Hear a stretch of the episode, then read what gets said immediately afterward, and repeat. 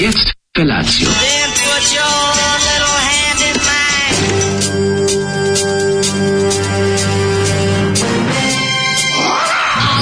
Grupa rozvojenih mladića trči po studenom vazduhu pre zore. Alarm! A ima da kane, nema problema. Svakog radnog jutra, od 7 do 10. Hajde, Geri, jako se velda! Nema da prska, nema da prska!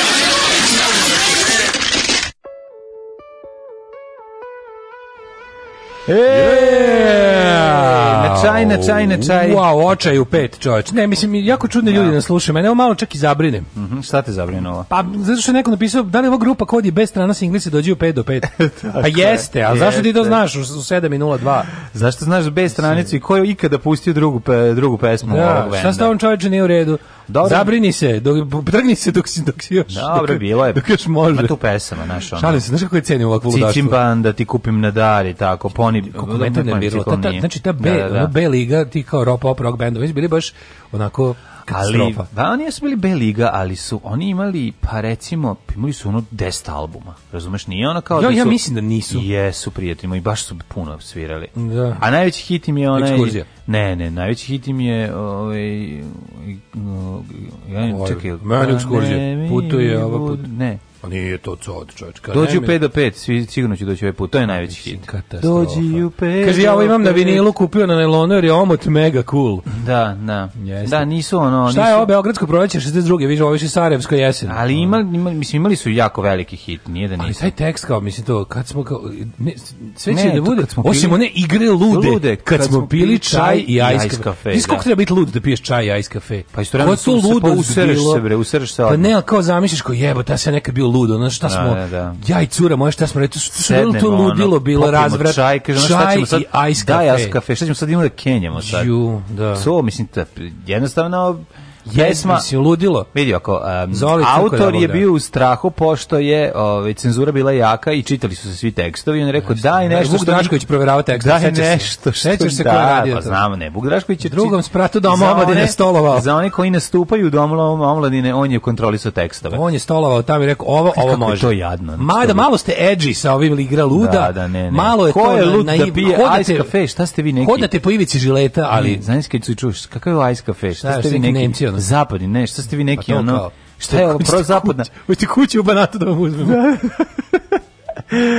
tako da morali su voditi računa, pa su onda pravili light verzije svega, ne bili ih ovaj, cenzura ostavila na miru i tako su e, nastali. Ej, izvini, ambasadori su, e, Aha, Danny je njihov najveći hit. A Danny, pa kaže. So, najveći hit, Jebote, viš kakvi ste? Stani bre. Ubacili ste mi ujutru. Ja sam sve bio mislio ovaj jedan te isti čovjek, sa pogledamo sve s različitih brojeva. Pa naravno. Zašto vas ovoliko mnogo zna rad grupe COD? U, Zato što je popularan bend, sad sam ti rekao, imaju 10 albuma i popularni su i druga stvar.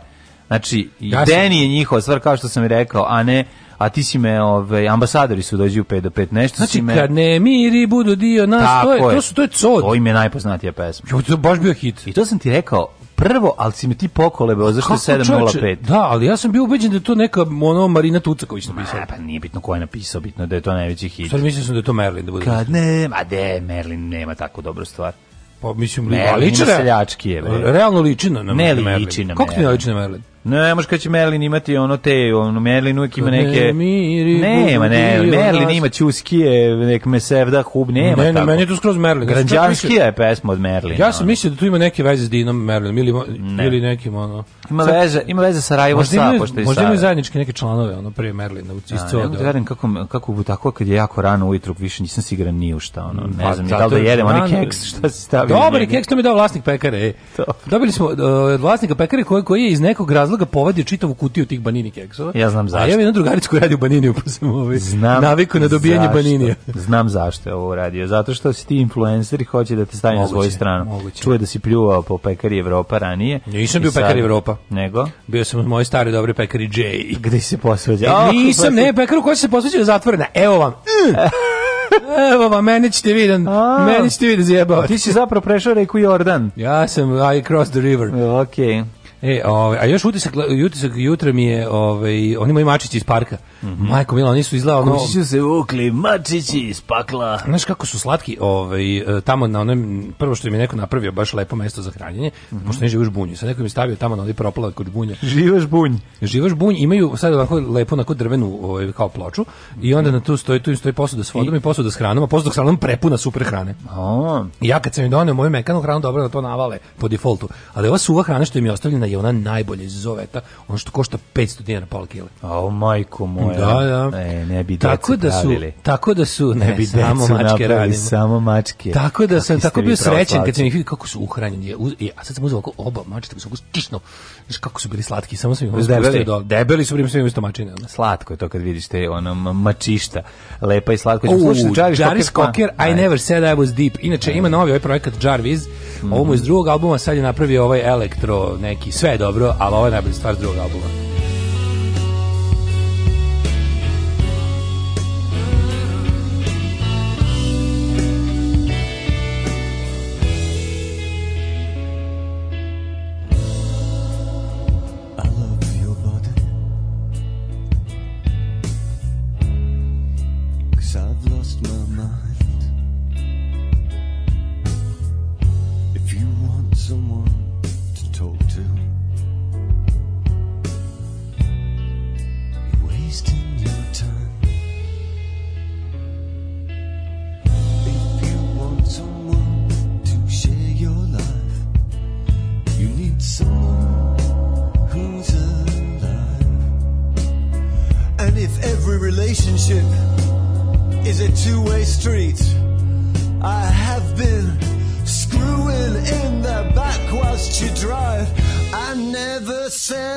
walls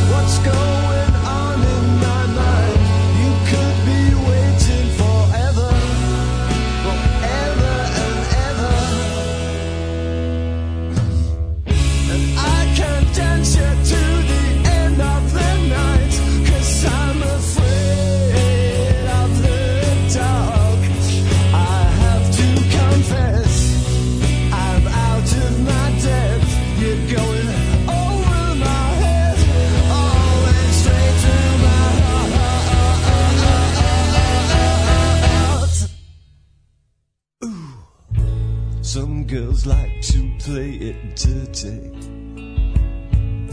Some girls want to be your mom. Me, I disrespected you whilst we were waiting for the taxi to come. My morality is shabby behavior unacceptable. No, I'm not looking for a relationship, just a Owen receptacle. I never said I was. I never said I was. I never said I was. I never.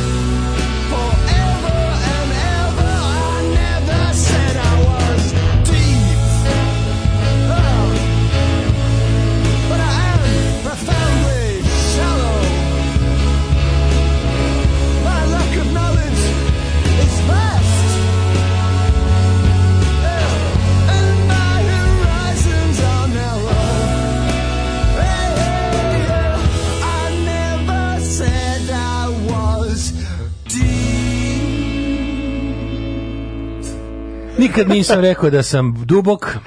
Nikad nisam rekao i da imam dobar cug, hajde mala, priđi bliže i budi mi dobar Jest. drug. I am profoundly shallow, odličan da. tekst. Uh, e da, neko posla poruke od juče koje su stigle ovaj, na temu koju smo, koju smo zatvorili emisiju mm -hmm. o ovaj, razbijanju čaša. Mm -hmm. Kaže ovako, uh, isforsirano i naučeno, Daško u pravu mržimo, mrzimo razbijače časa, pogotovo kad imaju 17 godina i prave se bojemima u kafanicama. E, pa to je... Daško, potpuno si u pravu sve sto izveštačene emocije, lomljenje čaše, ono muško dizanje ruke u visu transu, pa kao sviranje trube na uvce sve do ljubljenje popa u ruke i poštovanje kao neke slave i sveca. Da, meni kod nacionalizma, to sam juče da kažem, ovaj nacionalistički folk kako da kažem samo folklor znači ono što mhm. ti sam prema sebi glumataš ako si nacionalista i što radiš jedino kad ima publike znači to da. kao to to to izveštačeno padanje u trans na, na veru i naciju koliko je to jadno to je zajedno sa pravljenjem znaš šta je još jadno institucije navijačkog glasa voliš instituciju navijačkog glasa. Kad pričaš normalno i pevaš normalno, ali kad se zapeva neka tako pesma, prebaciš na da, da. Koliko je to tužno, čoveče. Kao svi normalno pričate, pevate i odjednom krene, ne znam, neko zakuva neku tih ono pesama, samo se prebaci glas. A dobro, mi se pričali smo kako mrzimo mlade ono kafaničare, mislim to je sad to je, to je kako, sve derivat To je užas, mislim to, al pričali smo o tome kako smo mrzeli mlade koji su bili članovi partije ono 70-ih da, godina, da, ono kao. Čak i te partije koje sada branimo budemo a, pa da. pred sudom istorije branimo a, pa tu da. istu partiju, a ne da ne bi bio član. Pa mislim to I ne samo, da bi mrzeo. Ko je ko se gurao da bude član ono. Znaš da je sad neka 74. žvalonje. 74. i da smo mi pa ono da. ne znam gimnazije i da postoji ono taj par Vuk Drašković ti odlučiš ko će da svira. Partijski kadar. Koliko moraš biti žvalonje. Sveta dužnost bi mi bila da mu život napravim tako da ga svi u školi kinje. Pa naravno. Tako je. To to je normalno. Tako da to je to je normalno, mislim kako bih rekao, kad si mlad biti protiv je normalno. Znači biti mlad, biti, ali hoću druga stvar da kažem ponovo vam pričam postoje obskurne kafane koje jednostavno gde se takve stvari dešavaju ne nasilno, nego jednostavno kažem vam, u, u tom folkloru tog, te situacije gdje i konobarica Bog i Batina gde će se i pošibati sa, sa gostom, a gost valo i voli kad ga ona napuca. U, te, Sve to si, zajedno je onako dosta simpatično. Neko ti se na ovu priču, kaže, se mi juče život je lep. Au, da. Šta je vrh glumaca u jednom filmu materijala mm. za džinglove more? Mm. Jeste. Ove, Jeste, to je filmčina i mislim, taj jezi, eto, taj jeziva atmosfera u toj kafani je ono kom, o čemu ja pričam. Ove, a verovatno ne ime. Šta kažemo na to što da me Trump dao sam po 1000 dolara, ali je Vučić uzeo. Svi onog, onog ko je, kako je taj počeo? Iz koje, iz koje ono mastiljarske službe e, kancelarije je izleteo Znači, onaj, da. onaj, onaj bre, onaj, da. neki, onaj kum Dragana Đilasa. Da, da. Onaj ćelave nešto izgleda, ono meni, meni izgleda kao, e, kao paja da malo ostario. Kao malo ostario ili paja, znaš on je lik? Taj čovjek meni izgleda kao čisto zlo. On je mračni, znaš on ćelavi, ćelavi kosovar iz manastira. Mlađen. Mlađen. Mislim da je mlađen. Da, da. da. Ili mlađančak. Mlađan, da. Zato što da, da. mi je da. bilo simptomatično da dva mlađena u razmaku od 10 godina obećavaju po 1000 da, nečega. Da, da, da. To je bilo stvarno baš onako da, ultra sprdnje. Ne, pa taj čovjek je taj čovjek je, je, je progres u, u sva u svom. Da, ono... lik je neki ono popovski, da, da ono da, da, pa jest, guzoliz. On je, da, da. Ono odvrtanje lika, ali što mm. ja bi i taj i taj ti je na Twitterima figurirao kao ono on je kao si protiv njega, on je da. Da, da, da. Niko vam ne valja. Pa znači ja bi Vučić, ja bi pre Vučića poljubio dupe nego što bi sa ovim on bilo bilo šta. Ima gomila debila, ima, ja mislim, sad ne znam, ja se nadam da su to debili, kako da kažem, iskreni debili, jer mi odmah, kad neko iskren debil, mi ima malo opravdanja. Ovi neki što idu, po, što truju da, za da, račun da. Saveza za Srbiju po Twitter, kao, eto, nikom iz opozicije ne valja, a oni nude samo govna. Ono. Ma daj bre, ono, ne, uopšte ne, ja nisu željni da pričam o tom čovjeku. Da, da čovjek mi je toliko... Šta je, kao ne valja, onda nek vlada Vučić. Pa nek vlada da, Vučić ako će da dođe ovaj ludak, ono, umesto njega. sam ga bre, bio jednom utisku nedelje, gledao sam ga jedno 3-4 puta, da, zapamtio sam to lice, mislim, Hellraiser bre. Hellraiser, da, falim Pinhead čovječa. Pa pa naravno. Ali jel da je malo da, da na, na malo Matorijog paju? Pa mislim ima to nešto taj. evil eyes ono pa taj. Pa ne znam, mogu bi da ga vidimo ono. Pa neki čudan razmak između no, očiju yeah. na granici između zla i downa ono. Da, da, da, ima ima ne, nešto, mislim nešto nije u redu u svakom slučaju, a nije u redu to što priča. Izgled je najmanji problem kod njega, znaš, ono mogu bi da prođe kao pevač grupe Rostu. Ali ga stvarno, ali ono, to što da, to to, to Angry Anderson, Angry Anderson. Ali ovaj Brown Anderson. ali to to to šta to šta on izgovara, razumeš, koji su to ono nazadne. Ne samo to... taj čovjek bre ono taj će poleteti svojim raketom da pokaže da je zemlja ravna ploča, al neće on leteti nego će staviti nekog drugog. Ne, on je baš ono u fazonu kao. Jeziv je bre. Pa to je baš to kao tipa moram da sklo, moram da sklonimo Vučića jer nam ne da dovoljno brzinom u srednji vek. Jeziv čovjek, da da da. Taj ta priča ono kao. No. Da. Ja sam baš e, sad, E on je obično šta rekao svako po 1000 dolara. Ne, on ne, ali znaš koja je to priča? To ono to to, to meni, znaš šta je tu meni mm. ono ludaštvo prvog reda.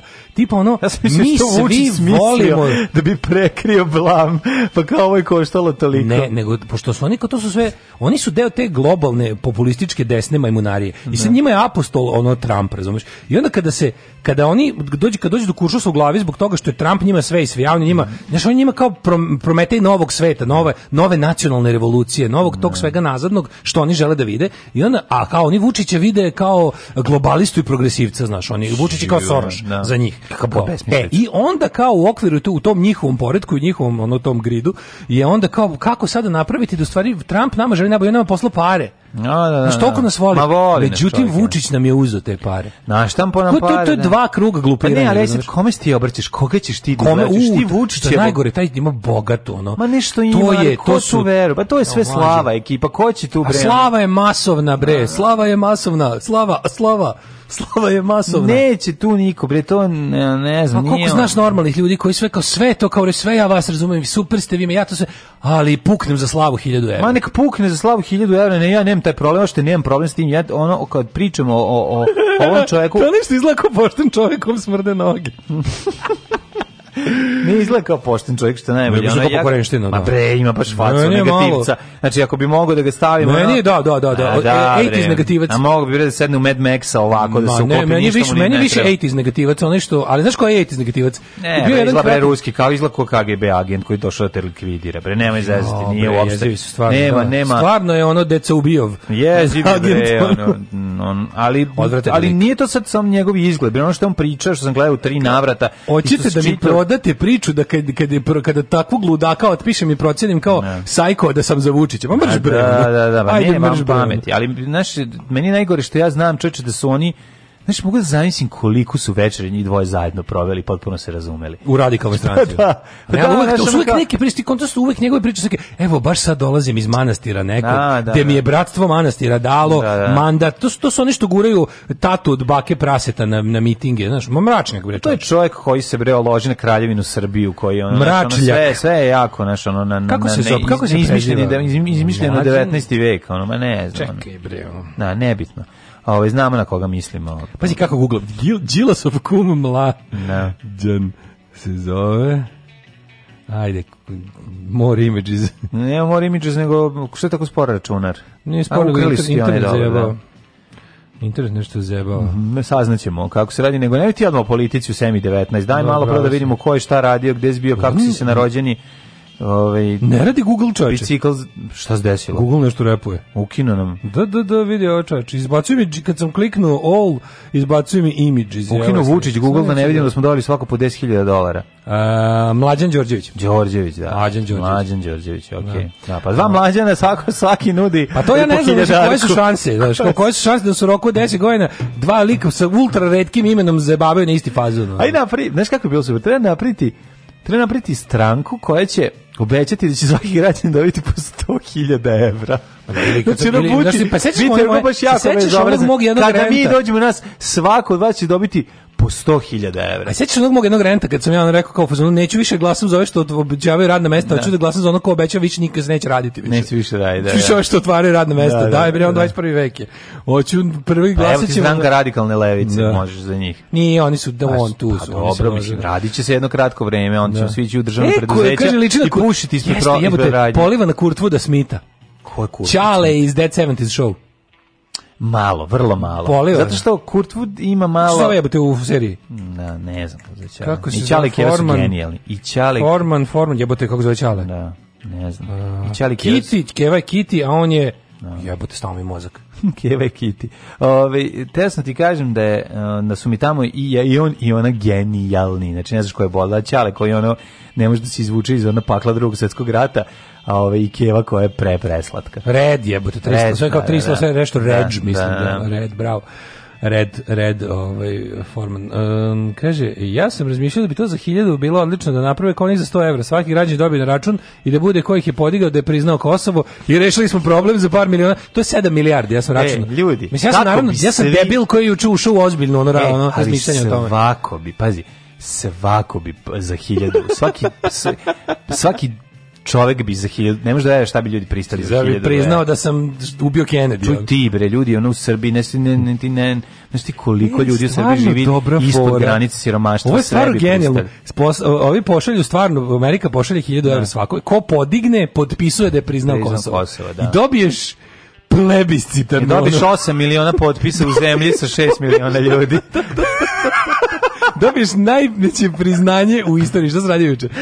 A, juče, ovaj, došao sam sebi novi omiljeni automobil ko, kome maštam, a koji sad realno mogu, mogu da priuštim. Ko priznati da, da. Vojvodinu, kada je za 1000 evra? Ajde, da, za 1000 Vojvodinu. Da, da, da, za 1000 evra. Da, da se ne vraćamo za dve godine. Da, da. Priznajte odmah. Našao sam, ovaj, našao sam automobil, zove se Honda Stream, najviše mi se sviđa. Ove, tako da, ovaj, tako da Honda Stream, gde se da, nalazi u da, da. Bujanovcu, da, da. Jedan se nalazi u Bujanovcu, ali mm. godište me... Ovaj, Či samo probaj da ideš u Bujanovcu. Ako, Neću ako, ako odeš tamo i ne vratiš se tim kolima, nemoj se vraćati. Nema, ne. Znači, promenit ću Pa ne bi, vidi, ne bi to uradio. Stoki debil. Pa neću odgo to uraditi. Pa dobro sam za Smederevo sam mogao da rizikujem, ali da. za Bujanovac ne bih Kažem, to uradio. Taj Bujanovac... Da, neću otići u Bujanovac, pa doneću jedan takav iz švajcarski najverovatnije ili iz njemačke. Uh, čovjek se ovaj Šta ne valja da ti Bojanovac? De.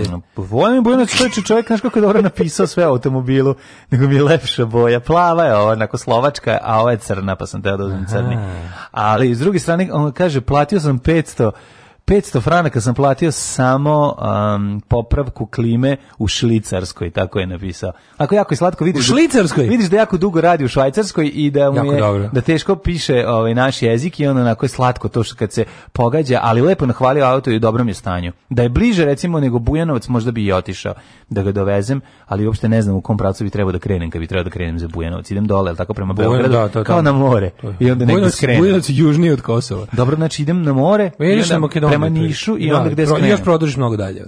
Gde ima ne mnogo dalje od toga? Ideš ka Makedoniji dole, onim putem mm -hmm. zaobiđeš Kosovo, ono tu ti Bujanovac. Dobro, prođem Vranje, prođem... Bujanovac je na, blizu Kosova, ali onako sa strane. Pa Znaš to što? skrene se sa, tog, sa autoputa prema Bujanovcu. To sam nisam nikada bio, tačno znam gde je, mislim, mm -hmm. znam, onako, imam, ga, imam ga u glavi um, na mapi. Dobro, neću ići, samo svakako je bilo da. zanimljivo. Ne, ne vidim, neću da ti pričam. Ti, Možda ako, čovjek, ako čovjek bude išao... Ovaj, naći razlog da odi. Ako čovjek bude ponovo išao u Švajcarsku, pa prolazi ovude, svakako mora prolaziti, pored da može da mi ga ostavi.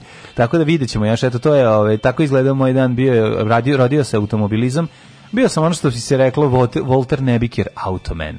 A, da. ovaj, Šta si ti dale radio? Onda sam malo otišao i do Bukovca mm -hmm. i ove, ovaj, m, bilo je zanimljivo. I gledao sam e, jedan, gledao sam jedan plac. Te pita, tako da. ideš, da. ti tako odeš i gledaš. Tu mi taj deo mi nije jasno. Ne, šta, ispiti, piti, piti. Pa to kao Napravi, ti sedneš u kola. Vidi moj početak je, da. Ne, i ode, ideš, odeš tako kažeš, bio sam na Popovice, gledam placu, bio sam u Bukovcu, gledam placu. Pa da. Odeš tako donekle, parkiraš i onda šetaš i ne, nego. Ne, ne, Ili pa odeš nađeš, pa ciljano. A. Pa kako misliš, idem tako pogledam. Pa pi, piš tamo na prodaju. Ne, ne, ja odem u Bukovac, pa šetam gore tamo kod vojske. Da. Tamo imaš one predivne ove, mhm. ove ovaj, prostore za istrčavanje, ljudi istrčavaju pas, pse i decu. Tako da to je ono jako lepo. kakve decu? Ali, ovaj, pokupimo za, da, naravno. Za decu. Ali, ovaj, ali se radi o tome da ne, ovde sam išao da vidim baš placi i mogu ti reći da ima sjaj, plac je odličan, odlična cena nikad bolja, s obzirom na to kako se sve sad skočilo, nikad bolji položaj, sve dobro, osim što gleda na fabriku plastike. Eto, pa to je ovo, ovaj, ako neko želi da... Fabrika plastike ima, a, na, pa mala mislim, kao neka. Mala, da, da. Mala, ali dovoljno da čuješ. Mala, ali usmrđena. Pa nije usmrđena, u tome najgore, nego eto šta čovjek želi, šta čovjek voli ovaj kako je želeo. Tako da eto moj dan je bio pomešan automobilizmom, um, landlordovstvom i tako pa, ovaj. da. Landlord wannabeistvom više ovaj. da, više landlord. Ti si, ti si landgazer, ti ideš pa i gledaš ja zemlju. No? Ja sam gejzer svega. Odeš Ovi. i odeš i gledaš, da, to je neki kao... Pa da, kaži mi ovaj, a kako sam, dobro, da. kako sam, kako sam lep automobil našao, znači, ne, čuo sam da veriš, to će biti super. Je. Ovaj nego šta si ti ovaj juče, juče radio? Ju, ja juče sam imao neki juče kao da sam bio juče sam imao jako dobro da sam ja zaspao sam u 10, onda sam ustao u 6 popodne i onda sam u 12 opet zaspao. Kako sreće da sam nego sam imao neki kao da sam juče bio kao da sam imao ceo grip u jednom danu ono. Opa. bez temperature. Opa. Kao da me ono znači toko mi je bilo loše, muka. Mm -hmm. Boleli me ono zglobovi, mm -hmm. mišići, i samo sam kao krnuo sam neki brufen, mm -hmm. dva sam krnuo, da ne lažem, dva mm -hmm. po mhm. šesto, dva mm -hmm. po mhm. šesto, i kao nešto 45 minuta, na stvari, bu, ne, jednu stranu ploče pistol sa kojom je juče stigla mm, sam odslušao, Bravo. bez stranu floginga Dead Horse, malo još zadremao, pod pridigo se i kao bilo mi je dobro. Pre, pre toga bio, nešto se baš istimo, bio sam, da li moguće da me juče opalilo sunce? opalilo te garam, zašto da moguće? mene puklo sunce isto. Jeste, Znaš kako I onda sam... Juče sunce ovaj- toliko bilo jako. Jel bilo, jel? Bilo je jako. Znači, nisam, nisam utrpao. Ja sam 10 minuta trčao po keju za klincem, znači mene, e. mene glava me ja bolela. Ja sam bajsio, juče bajsio, išao sam od pa pošte do pošte, da je bilo redova ispred pošte i onda sam konačno, najgluplje mi kad nešto pomislim da kao uradim, da, da promenim neku svoju rutinu i zajebem se i vratim se i vidim da je najbolje bilo da uradim odmah ono što da. treba, odmah ono što inače. To je sunčanica. Otišao na poštu i interesantno ispraznio sam naš ovaj kako se zove web shop, sve sam prodao. Mm Sad sam sad ćemo pravićemo novi, imaćemo novi shop na u okviru sajta. Jako se radi. Pop, ovaj prodao sam sve što smo imali, mm -hmm. bio na mhm. pošti, bio na pošti da pokupim. i juče me poštar prijatno iznenadio. Šta? A, Nije zvonio dva puta. To, sve bilo ono kao bilo je ono sve je bilo celo što je doneo. Nešto je bilo celo, nego stvarno bilo kao ljudi koji su mi poslali i tražili da dođe između 12 i 7 bilo između 12 i 7. Nisam trčao koji idiot za njim, ono posle emisije, svako jutro. Posta Ekspres se vraća u formu. Jo, nadam se, čoveče, tako da stigli smo i Dead Candies i, i Pistolsi, pa, sam, pa mi to bilo onako lepo. E, punker stari. Da.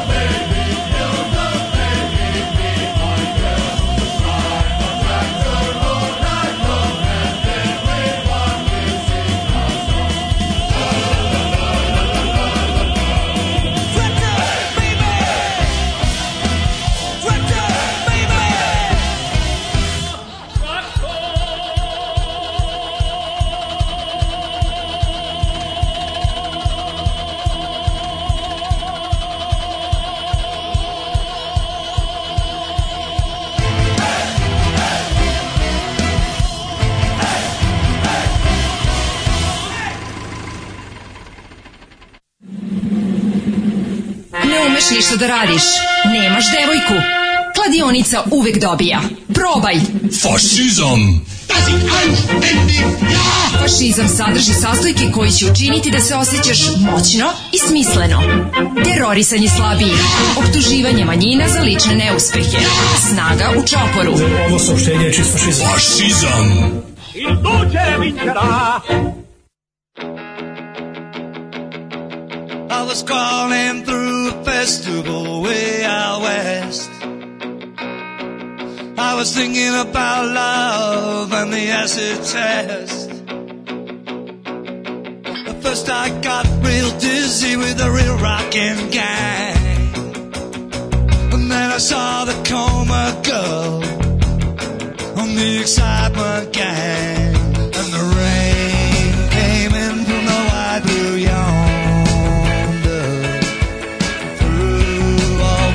mistake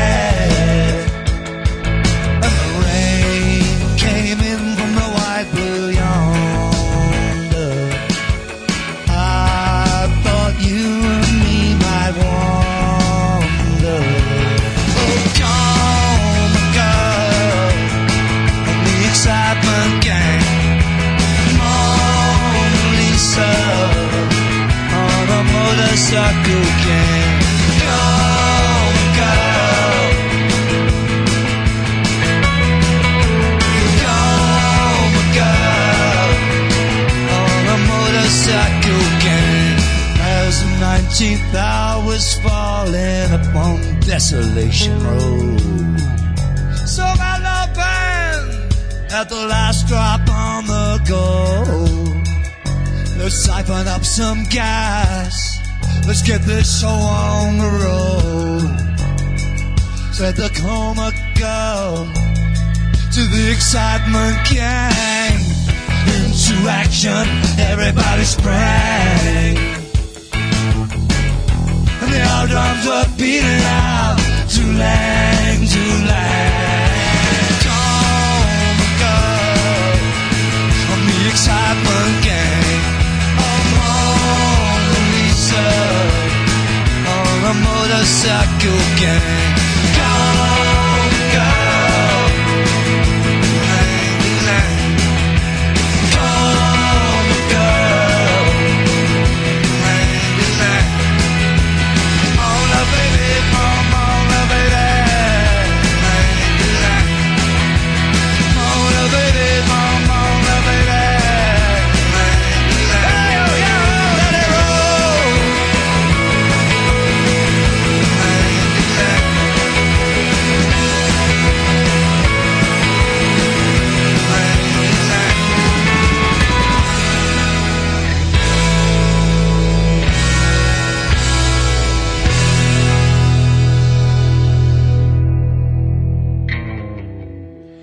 Wow. Kako je lepa. Ovo Joe Stramer sa njegovog... Da. Kad ovaj, on kaže Koma Girl, koju, koju devojku sa svirki ras, da. ovaj, koja onako uvek... A koju kao da, koju? koju zamišljaš? Imam jednu. Da, da, da. Imam jednu što je, šmekamo se godinama. I to je, to je ovaj, još ja, ja, sam celu srednju školu vukao jednu koju slušao debil, on stvarno kod nas neki debil pesnik, ali stvarno sam imao to. Mm -hmm. Bio sam u fazonu kao Jesi nosio nadimak njen Milenko? Kako se zove? Ne, nisam, nego sam imao to neko kao de, de, devojčicu u to vreme se uvek volim da imam negde neku kao koju koja će tako da mi ostane samo kao za gledanje. Pa naravno. Je to debilno? Nije to debilno, uglavnom su ti sve tako.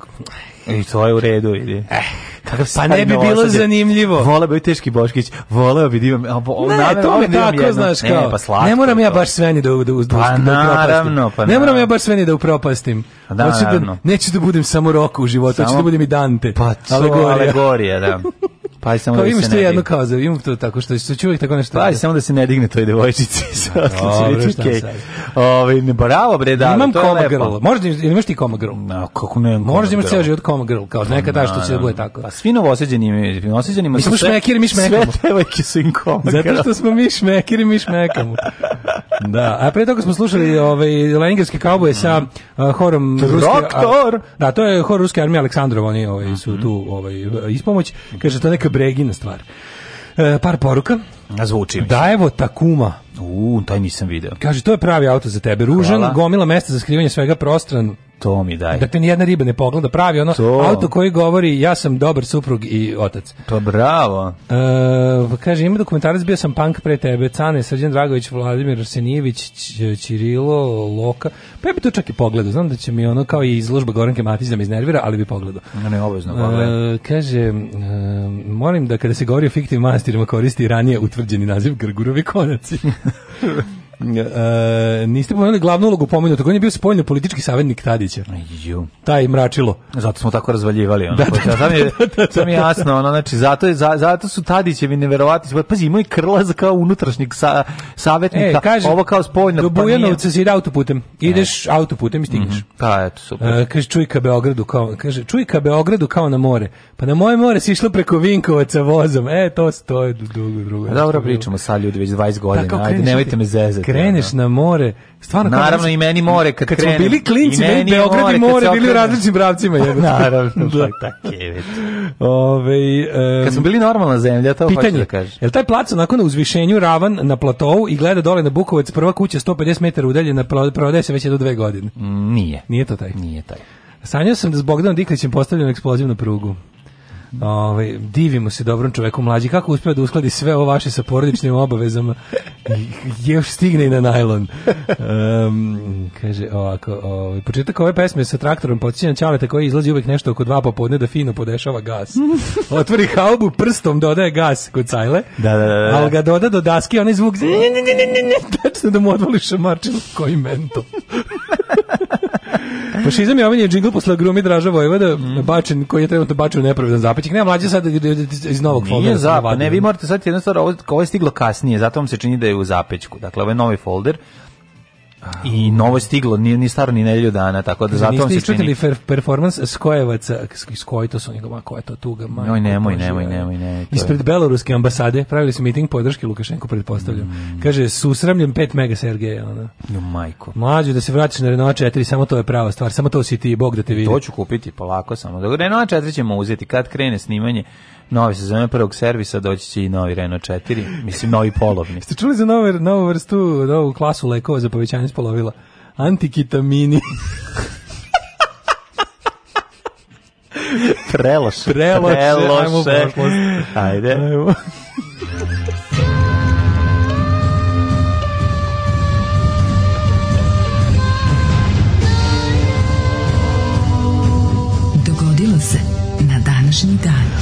šta ti je to obnaš, ovo liči?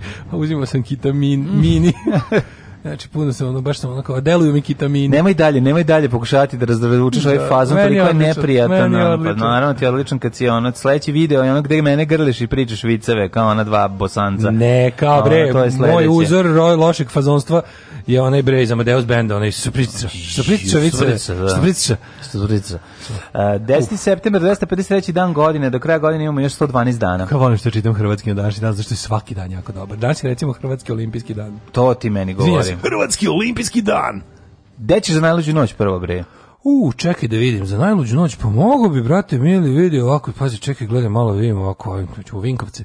Pa bio si u Vinkovci. Sam bio za Novu godinu, za da, Novu da. godinu sam bio. Da, i u ali nisam bio, ali nisam bio zato u... Može, dobit ćemo ro, u, županji. u robnu kuću... Ove, ovaj- robnu kuću druga predsjednika. Robnu kuću, bre, ovo kako se zove? Dubravka Matović. Dubravka Matović, to, mu je, to mu je i robna i radna i sve. Ali nisam mislio s njegovom, nego sam mislio o, o pokojnog o, o, Asatana Panonskog.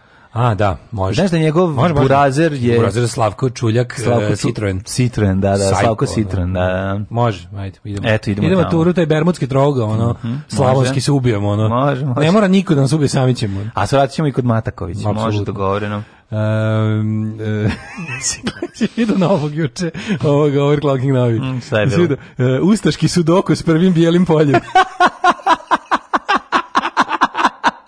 novo, kao, Vitomir rešava enigmatiku i piše novo ustaški sudoku s prvim bijelim popičem.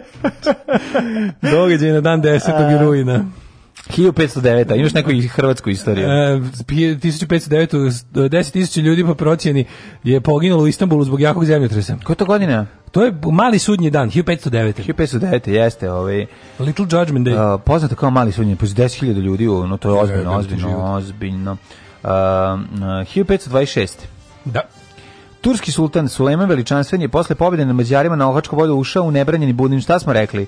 da im je posle pobede da, na Mohačkom polju e, ponudio crnu čorbu poniženja. To je bilo na Mohačkom polju, jeste. Da. Tad su Evropljani prvi put probali kafu. Jeste, dobili su crnu čorbu poniženja. Ne samo da nas je razvalio ono što je preživelo od ovih velikaša, i moralo da doći da se na poklonjenje sultanu. A ovo ih najljudski je primio ponudio kafu kao da, ono kafu, good da. fate. A ovi kao morali misle, da kao morali smo da probamo i crnu čorbu. Kontali su se pravi od žutog iz uveta, ono, mm. od Turaka. A ne, pravi se to. Ovaj, Kako ti znaš, ovo je isto pitanje. Kako znaš kog je ukusa žuto iz uveta? Probao sam, svi su probali. Jezivo. 1721. E, Švedska i Rusija. Jeste su mirom u Nistadu u Finskoj okončale veliki sjeverni rat započet 1700. kojem je ruski car e, Vetar Peliki potoko Šveđani dobio izlaz na Baltičko more. Rusije je pripala teritorija od Finskog do Riškog zaliva i gradovi Riga, Reval i Narva. 1813. u Parizu kako sam pročito u Parizu, majko, mila sam čorav skroz. U ratu iz 1812. američke snage predvođene Oliverom Hazardom Perijem su porazile Britance kod jezera Iri, mm -hmm. uh, kod današnjeg Put in Beja. Putin Bay. Putin Bay, da, da, da. da. Ruska kolonija. E, put in to zaliv u kom ima najviše parkiranih automobila ja noću. Ja sam u ratu iz pročito u Parizu. Da, Či, znači, koje je ovo stepen, ono, da, mrlj, da. oči, ono, koje Pa dobro, katarakta jutarnje. Da. Ove, porazili su Britanci, čekaj, kod jezera Iri. E, da. To je bila granica sa, sa, sa Kanadom. Sa Kanadom, da, da. da. 1823. Da li znaš čuvenu epizodu Zagora, tajna jezera Iri? Pretpostavljam da ne znam. Dobro. 1823. je Simon Bolivar proglašen predsjednikom Peruom. Mhm. Mm e, -hmm. uh, 1877. u Derventi je osnovana prva direkcija bosansko-hercegovačkih željeznica pod nazivom Direkcija carskih kraljskih bosanskih željeznica. Možda sam mi pomešao više stripova, pa mi se izmešao u glavi moguće. Me, nešto mi je previše, znaš što je fora, zašto mislim da ne da to nije Zagor?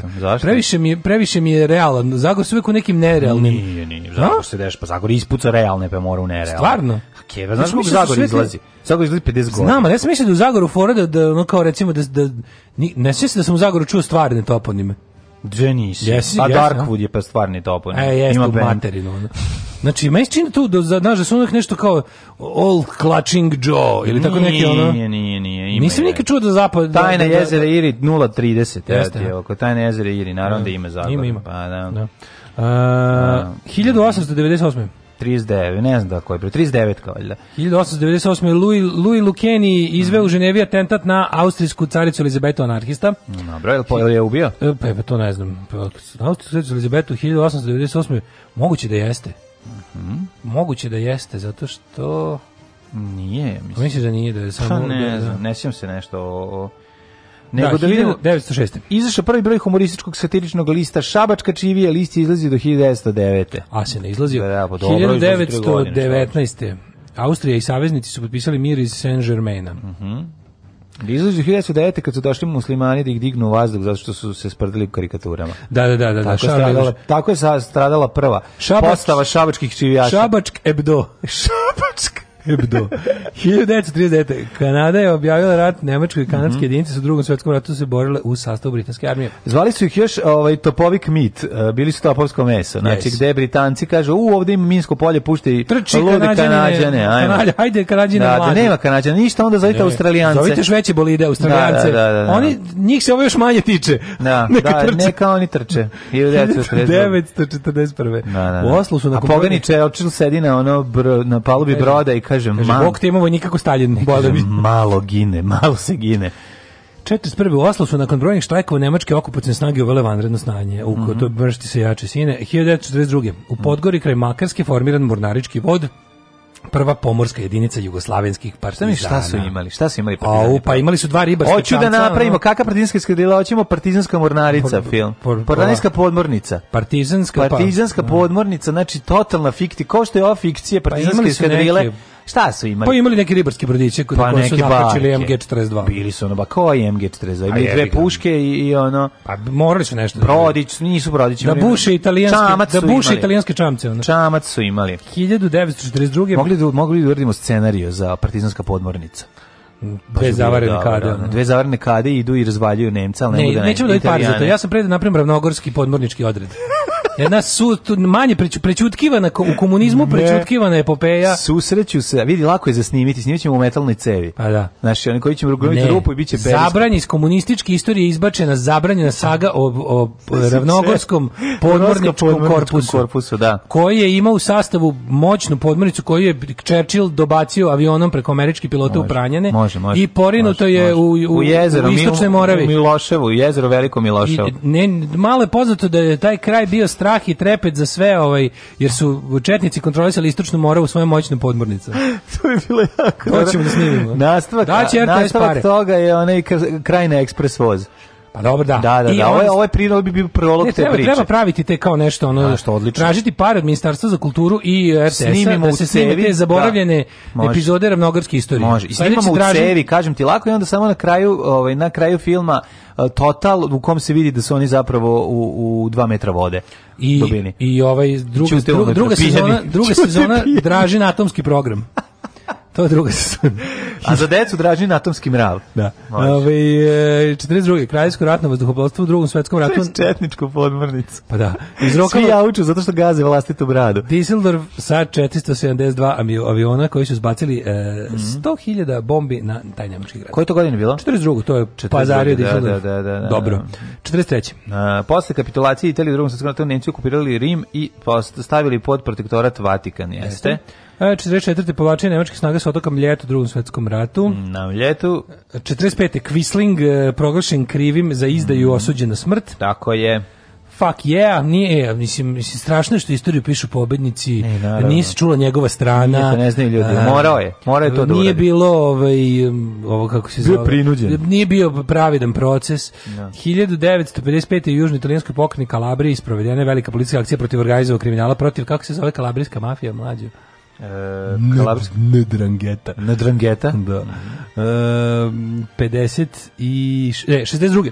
Može. E, u 15 članica Commonwealtha izjasnilo protiv pristupanja Velike Britanije Evropskoj ekonomskoj zajednici. Mm -hmm. Znači, da nije bilo Kvislinga, pa da je ovaj, Nedićev... Da, da, da, znači, da, da, da govori da, he was a Nedić. Nedić, zamislio isto Kvisling, Kvisling. This da, da. is kao, ne znam pojma, Pierre Laval, uh, also da. known as French Nedić. Da, 1967.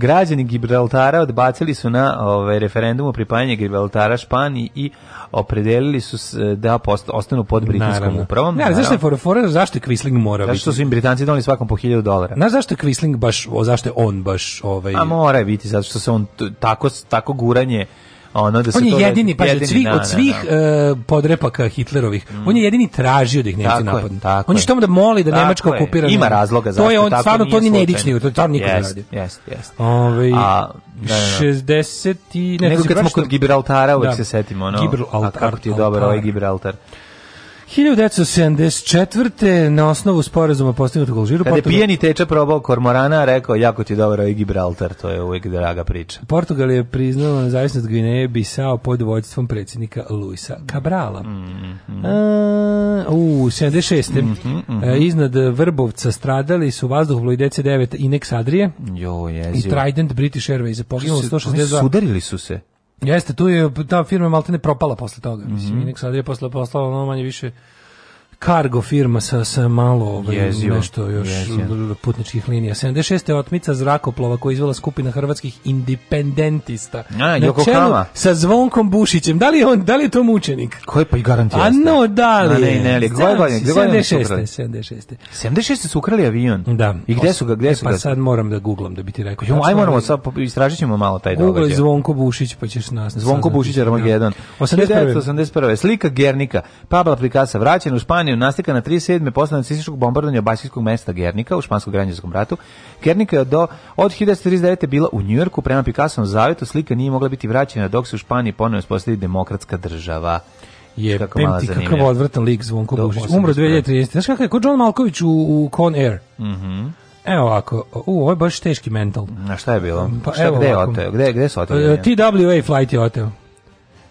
A, znači nije uopšte u Srbiji. Pa, da, ti da, ovaj, leteo je Puši, kakva idiotina. Leteo je sa Lagvardije na O'Hare u Čikagu. New York, Čikago je oteo. A šta je želeo s tim avionom da uredi? Da skrene pažnju na... Ovaj, na hrvatsko pitanje. Da, da, na, na jogurt koji mali, kojem, kojem mala ovaj Kolinda pije u malim količinama. Pazi, i na coincidence uh, this occurred on the same day as ovaj Zagreb Midair collision, ovo što smo pričali da su se sudarili no. Da. ovaj British Airways i Inex Adria, yes, Majko Mila, to je baš yes, bilo kod Vrbovca. Ali pazi ovog budalu koji otima lete New York, bilo, Chicago. Da li je bilo? A pa to je bukvalno kod da ga je Udba instruirala da, da, da odalji ono Hrvatsko od da nezavisnosti. Da stradalo ljudi na zemlji, to se te da pitam. Kod tog? Mm, kod tog pada, pa, mislim pošto da je... Da ne, na, nije na ovaj... Mislim ne, da je severno pa- Zagreba, na planinu. Pa da, na, na, kod neke, iznad neke planine. E, pa kaže ovako, 89. Mađarska otvorila granicu prema zapadu, mm -hmm. dopustila i odlazak oko 7000 izbjeglica iz istočne Nemačke u zapadnu Nemačku. Mm, bravo. Mm, pa onda ovako... Taj masovni egzodus dovoje da pada Berlinskog zida. Verovatno najvažniji događaj današnji dan 94. Da. počeo šahovski turnir u Tilburgu. Sigurno. 95. tokom vazničke operacije protiv Republik Srpske NATO je sa američkog broda Normandije u Jadranskom moru sajskim raketama Tomahawk počeo da gađa protiv vazdušne polože u okolini Banja Luke. Da, onda ovako, se sećaš ove frke u Makedoniji?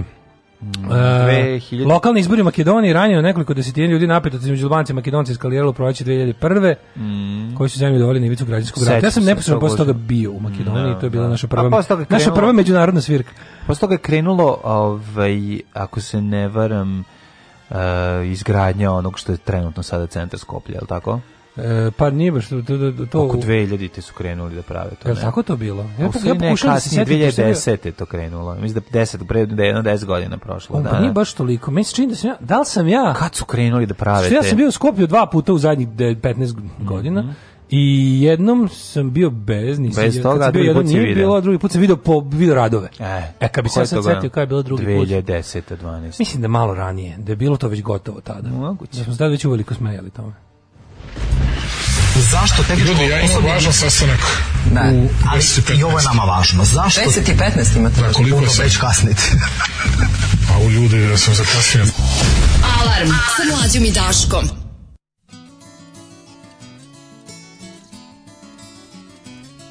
On a warm summer's evening, on a train bound for nowhere, I met up with a gambler. We were both too tired to sleep. So we took turns staring out the window at the darkness till boredom overtook us. And he began to speak. He said, Son, I've made my life out of reading people's faces and knowing what the cards were by the way they held their eyes. So if you don't mind me saying, I can see you're out of aces for a taste of your whiskey. I'll give you some advice. So I handed him my bottle, and we drank down my last swallow. Then he bummed a cigarette and asked me for a light. And the night got deathly quiet, and his face lost all expression. Said, if you're gonna play the game, boy, you gotta learn to play it right. You got to know when to hold up know when to fold up, know when to walk away, know when to run. You never count your money. When you're sitting at the table, there'll be time enough for counting when the dealing's done. Now every gambler knows the secret to surviving is knowing throw away, knowing what to keep. Cause every hand's a winner, and every hand's a loser. And the best you can hope for is to die in your sleep. So when he'd finished speaking, he turned back toward the window, crushed out his cigarette, and faded off to sleep. Then somewhere in the darkness, gambler, he broke even. But in his final words, I found an ace that I could keep. You got to know when to hold up, know when to fold up, know when to walk away, know when to run. You never count your money. When you're sitting at the table, there'll be time enough for counting when the dealing's done. You got to know when to hold on. Know when to fold up. Know when to walk away. Know when to run. You never count your money. When you're sitting at the table, there'll be time enough for counting. When the dealing's done, you got to know when to hold up. Know when to fold up. Know when to walk away count your money. When you're sitting at the table, there'll be time enough for counting when the deal's done.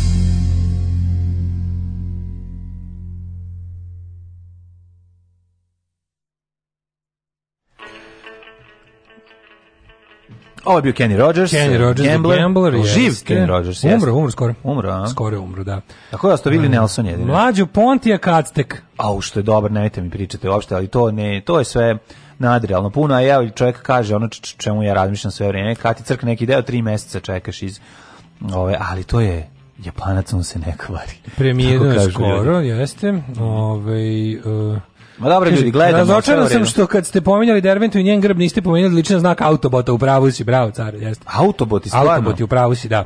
U svakom e, čast. Kaže, ja sam. video sam ovog brata od Ivice Čuljka u nekoj emisiji o kolima. Njima izgleda porodično fali neka opruga u glavi.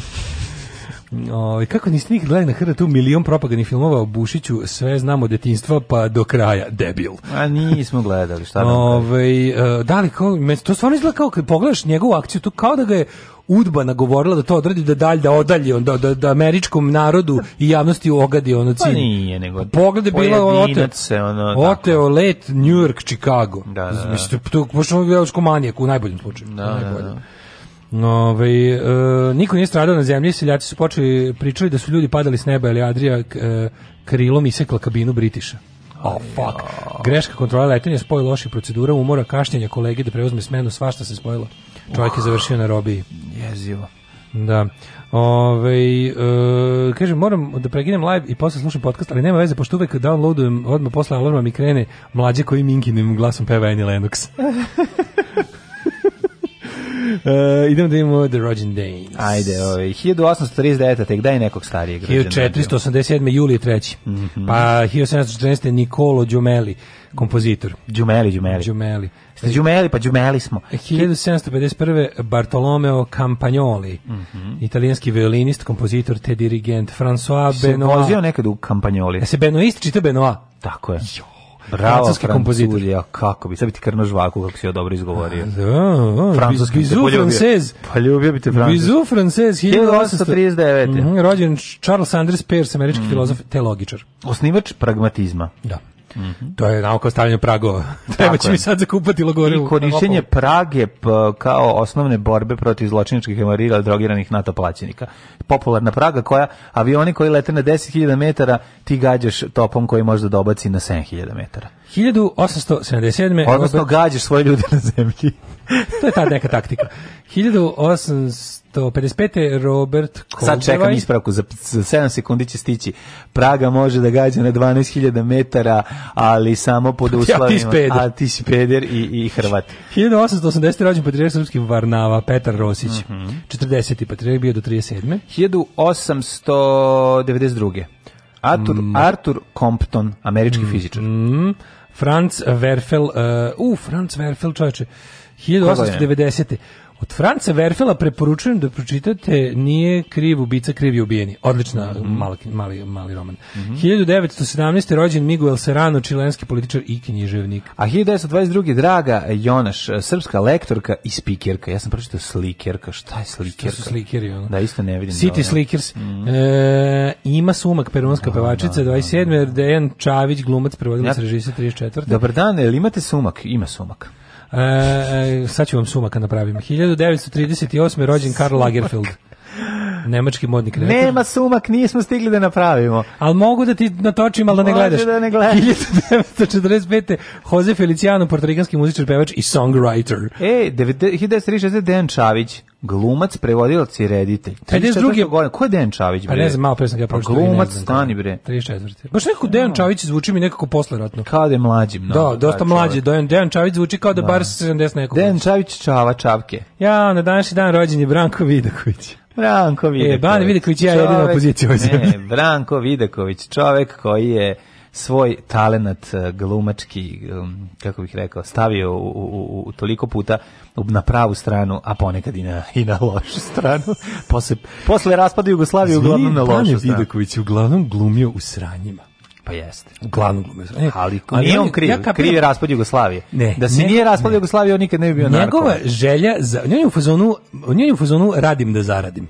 Da Ma naravno, bre, pa da šta da mi si po ruku. Ma jo. Bolje i to nego da kradem, no. Da. ali možda bolje da kravo. Znači, kakvim je on đubredima glumio sve? A sad je krenuo, sad mislim da sad igra, sad glumi nešto na Šta? Na ne znam, ne mislim da sam Pogledaj, čovječe, to je liko ima, ali pazi što je najbolje, on je najbolji glumac u najgorim ostvarenjima. Yes. Pa on je jednostavno, pazi, on je dobar, pa on je stvarno dobar glumac. Ma yes, ali još kada no. ga da. staviš u blato, pa taj mm. biser zasija jače nego išta. Yes, yes. Uh, eh, Alison Bechdel, američka autorka stripova 1960, nisam znao da imaju... Mm. E, Colin Firth je rođena danas. Kako sam strip percipirao kao mušku ovaj, granu. Pa, Zašto? Zašto? Pa, koliko, ajde, mi još dve autorke.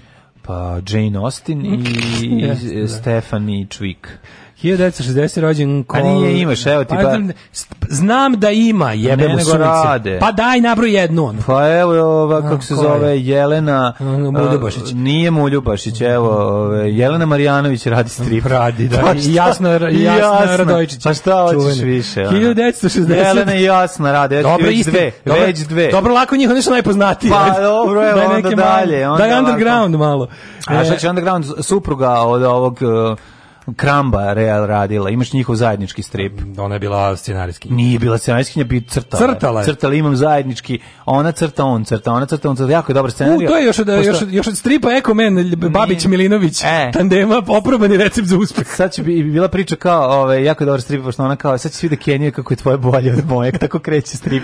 da. I super kao kako sam se ja ucurila ovde, kako sam jako ona. I da, da. baš je dobar, ovaj, dobar strip, ono, ona naravno, mnogo gadnije crta, ali ja, ima, moram, ali je duhovit. Sad sam se posaćen, ja moram javnosti prezentovati moj ljubin uh, uradak iz e, osnovne škole Ekomen. Moram te sve table naći i skenirati.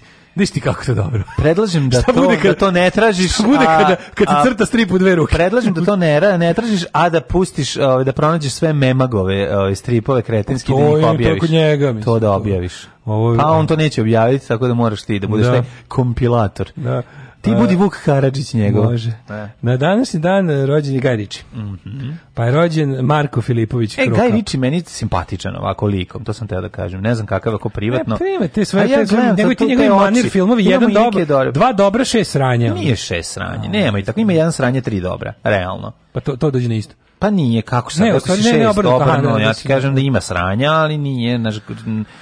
nije baš da su tako Meni dva dobro, ostalo mi sve tako. Ne. Um, Šta, nije ti dobar, rock and roll ti je bez veze. Sranje, da. Ne, nemoj ti kineš rock and roll super film. Pa ne znam, meni nekako. Pa baš nisi upravo. Uh, ehm, ehm, zapravo valjaju mi samo ove dvocevke i sneč. Uh, 1974. Krok up.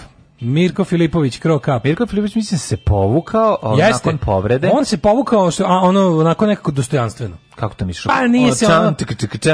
Bilo je čan čan čana dosta. A je ono, on je ostao u sećanju kao na kao okej lik. Pazi, on je da. bio, on je bio ono kandidat SDP, p-a. znaš, nije bio ono, nije bio desničar, nije bio da. ono. Znaš, hrvatski silos koji nije desničar, malo li je. Na, da, jeste reći. Moraš ceniti ono. Ne, gledao sam u par intervjua je bio onako kao najbolje pitanje bilo kao ko je jači, kao vi ili Jean-Claude Van Damme.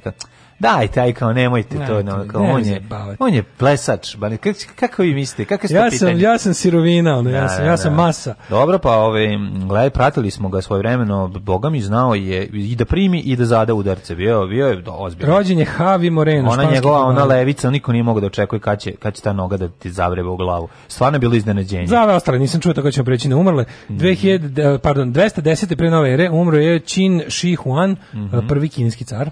Ja, te, kako volim te slike iz tog perioda, te tako, jako su dobre, da. Te, te, te akvarelaste, sa tim, mm. ono, uvijek kad su neke kose i brade se razlivaju na tim slikama. A dobro izgleda, da, to mm. lepo naslika. To je kao Matilda, neki, to izgleda jebote, to je, to, ako, ja ne znam iz kog je to perioda, da, to, je, to nije baš to iz te, perioda, da nije iz tog. Jeste, jeste. Šta to je 200 godina pre nove A to je rađeno na, na tkanini. To je slikano na tkanini. Pa znam, ali neko mi je... Pa lažem, bre, Postavljam da ne znam. A ne znam iz kog, ali zvučala je, zvučala je kad. Da pa jeste to sigurno na nekim zategnutim. Rađeno je na svilije. A pa moguće, to je sasvim moguće, nego, nego me zanima kad je, od kada datiraju ovaj stil crtanja. Zato što izgleda baš kao, izgleda kao strip jebote, on savremeni. Pa to je... Sad znam to da vi sad ne vidite o čemu ja pričam, ali Jebi ga.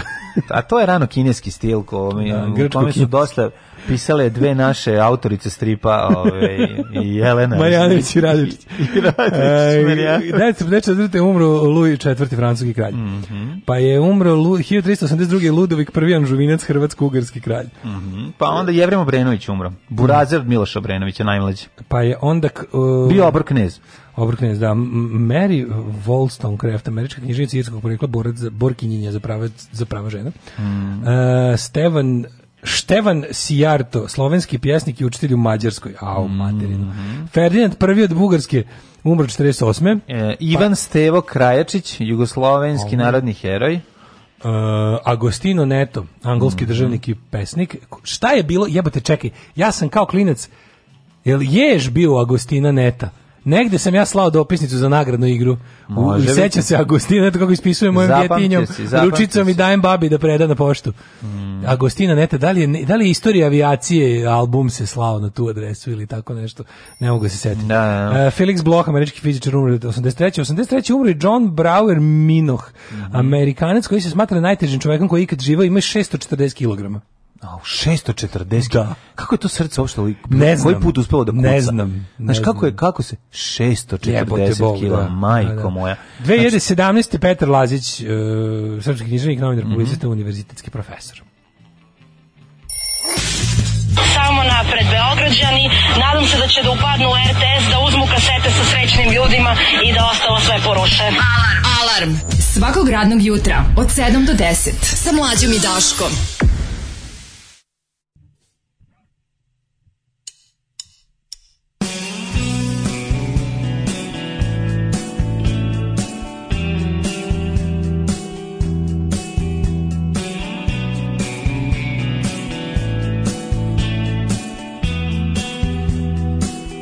Unless you're coming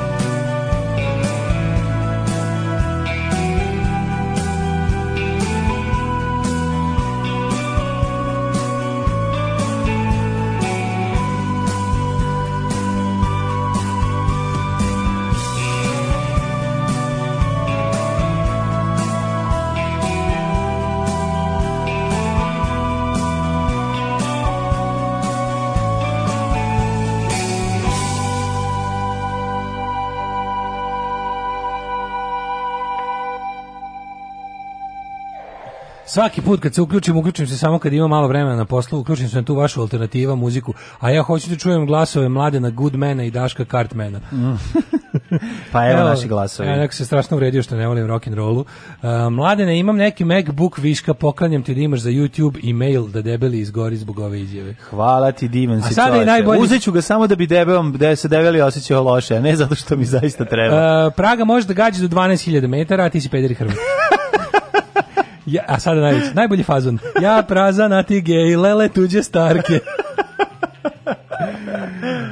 E, idemo da vidimo vreme. E, može, može. Pokušavam šta smo za da sedim šta je bilo jako smešno, nešto mi je bilo jako smešno danas i jako smo se smejali. A šta je to bilo, ne mogu da, da se setiti. Na antikitamine i na Ne, antikitamini su tebi bili smešni, meni ne, ali meni nešto drugo bilo jako smešno i sad ne. Vrtaćemo poruke na kraju pre što hoćemo. Moraćemo, da. Ajmo, da. uh, osmatrate podatke. Molim te, uredi nas nežno u, u Jugoslaviji. Ajde.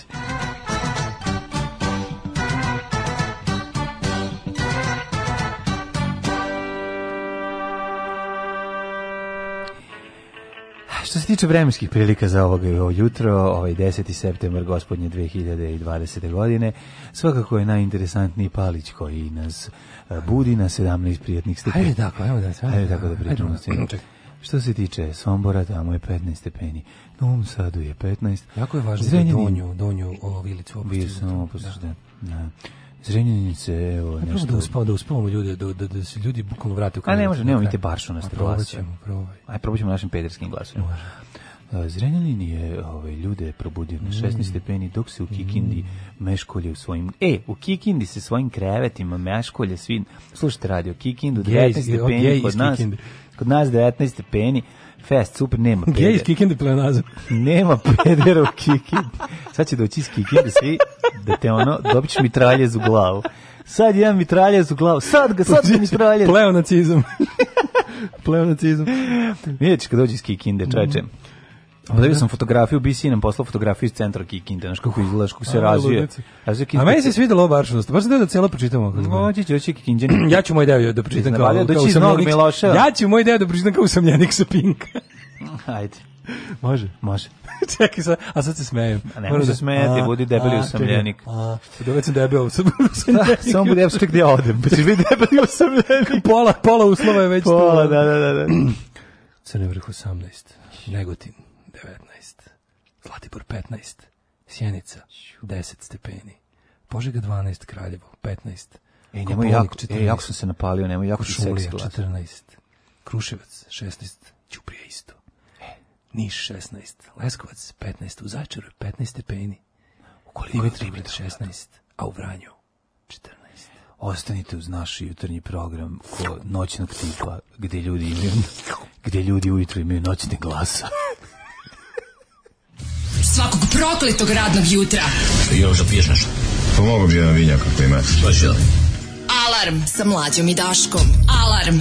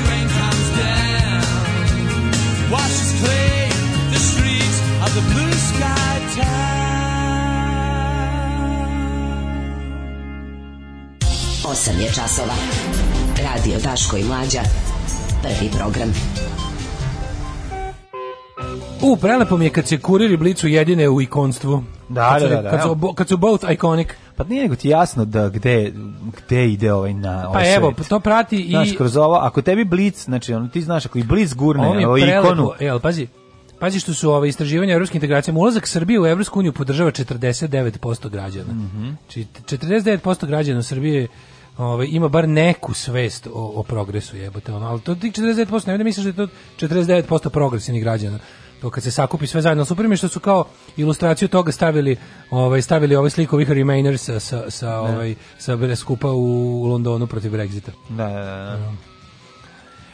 Dale. Kaže ovako, otvaraj novine. Može malo o tome, pa eto, ovaj opozicija potpisala sporazum o budućoj vladi Crne Gore, ostaju u NATO, put u EU i dalje priznaje Kosovo. Izvinite, meni samo nije jasno. Šta će oni da pokažu svojim biračima?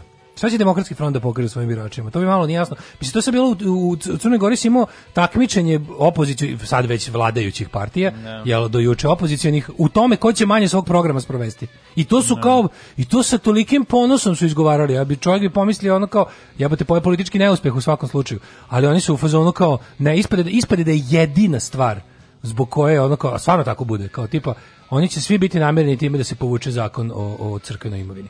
Da. I to je sve što njih zanima. Pa da. Što dokazuje da ih je organizovan, pa da ih je organizovan Filohije. Upravo to. Upravo da on je pa on je svoje vreme, da. on je svoje isterao, ostalo zapravo čak i nije bitno. Ali mislim videćemo šta će biti sa ovim malo kako bih rekao sa ovim jezgrom, sa bazom Jer ipak kak, glasači je demokratskog fronta baš neće da za šta su Važno je da se crkvi u kasu ne dira, ostalo nije bitno. To je, to je, to je, to je, to je glavni da. To mini Schengen od velikog slađi, vidimo šta zašto je mini ne. Schengen dobar za region. Ej, Vulin prekidamo sve vojne vežbe sa NATO-om, Rusijom, Kinom, evo izlaz Srbija kreće. Da, danas... Srbija se okreće sebi. Meni to sad malo nije jasno. Pazi, pogledaj ti toga. dobro, naravno, ovaj Sve kako, pa Vulin će sutra biti za NATO glavni, ono čovjek. Biće Ma, sutra da glavni, biti, pa ono... Vulin će biti šta, ono, šta tog dana, kad se probudi, šta, koji prekidač se uključi, on će to biti. Jebote, oni, jel oni njih nama spremaju da, za do kraja života ovdje da, ovdje, jes, da, da, da. I to će da. imati, svi će imati ozbiljnije, ozbiljnije pozicije, da, da, da, da biće da. ono više plaća, mislim, ozbiljnije. Mm -hmm. I nešto bi ja trebao, moramo, mi da ćemo, mi ćemo verovatno... vidjeti šta je to, kako se to prodaje ovaj, Be Beograđanka ovaj, firmi, firmi koja postoji 10 dana. Ajde to da vidimo, mislim. Postoji to duže, samo što 10 dana pod ovim imenom. Mm -hmm. Da, mhm. ispratio sam juče malo tu mm -hmm. tu ovaj celu ono kako Ajde, rekao, to. to. to zavaravanje traga novca. Mm -hmm. Ali ovaj da, nego gledam znači spremi, spremite se da Vulina gledate do kraja njegovog, a verovatno i naših života. Pa. Da. Tako da ovaj čini se da da ovi ono cementiraju svoje pozicije na još decenije ovde. Da. Šta da bi rekao pešnik? Šta da radimo, mislim, jednostavno ljudi koji ne vole slobodu ne treba ni da imaju što bi rekao pesnik, pritisne oči sam bez moje volje, ceo jedan život i njime se kreće, zvuk se prolama, neće biti bolje, nikad, nikad, nikad bolje, nikad biti neće. Svakog radnog jutra od 7 do 10. Svakog radnog jutra od 7 do 10. Alarm sa mlađom i Daškom.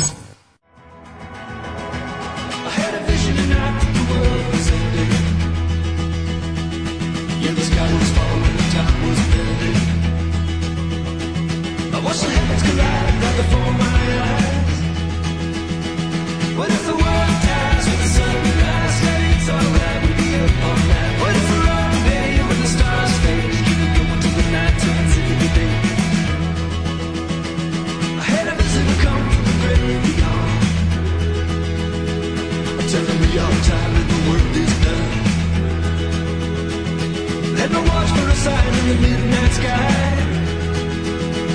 What if the world dies with the sun? Maybe it's alright to be up on that. What if the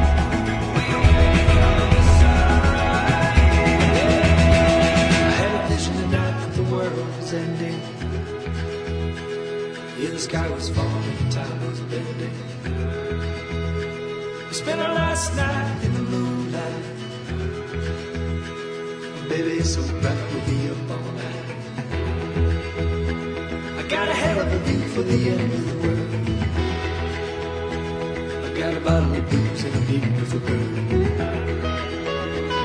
I'm going to die, I'm gonna go with style.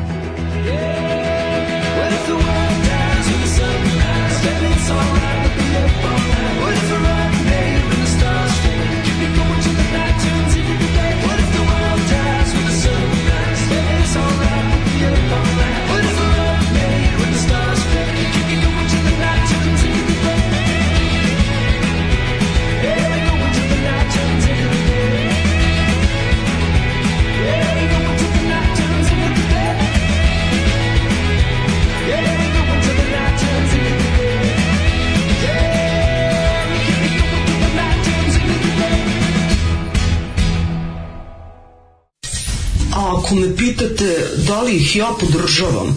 Moj odgovor je apsolutno da. Da, podržavam ih i mislim da je jako, jako važno e, da ih svi podržimo. I molim vas, donirajte vašu podršku, ulažite u Daška i u Mađu i svime će nam biti mnogo bolje. Ja vam garantujem. Alarm svakog radnog jutra od 7 do 10. Od 7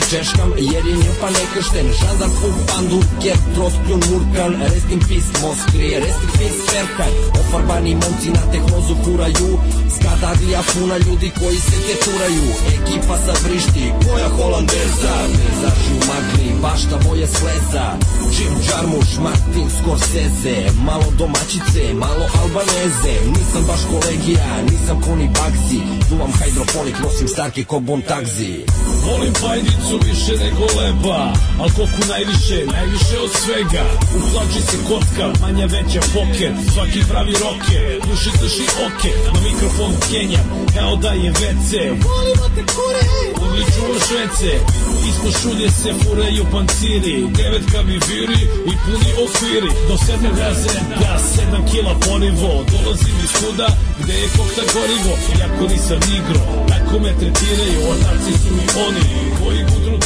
guraju Svi mi gledam fancy kurve spotkanje u bundama Batman vs Superman 2 jedan u rundama Na nekom teku zgutao Eksere plave Na minus 10 furo Kratke rukave Stigla interventa Adrenalin skače Neko vadi frangiju Neko kuka plače U džusu mi je vodka U Coca-Coli viski Ja i murije ministri Smortac i bliski Ribo klasik i Air Max 9 Jer ja sam easy Kupator Mike Beograd Kurajbe Navi Hardcore knjige basi, straight no more Rimbo Classic i Air Max 9 Jer ja sam i Zeko Pato Mike Beograd Kurajbe, pravi hardcore Vrti BG basi, straight no more Primo Classic i Air Max 9 Jer ja sam Ize, ko pastor Maj Evo preko najpe, pravi hardcore Vrti BG pasni, straight on more Primo Classic i Air Max 9 Jer ja sam Ize, ko pastor Maj Evo preko najpe, pravi hardcore Vrti BG pasni, straight no more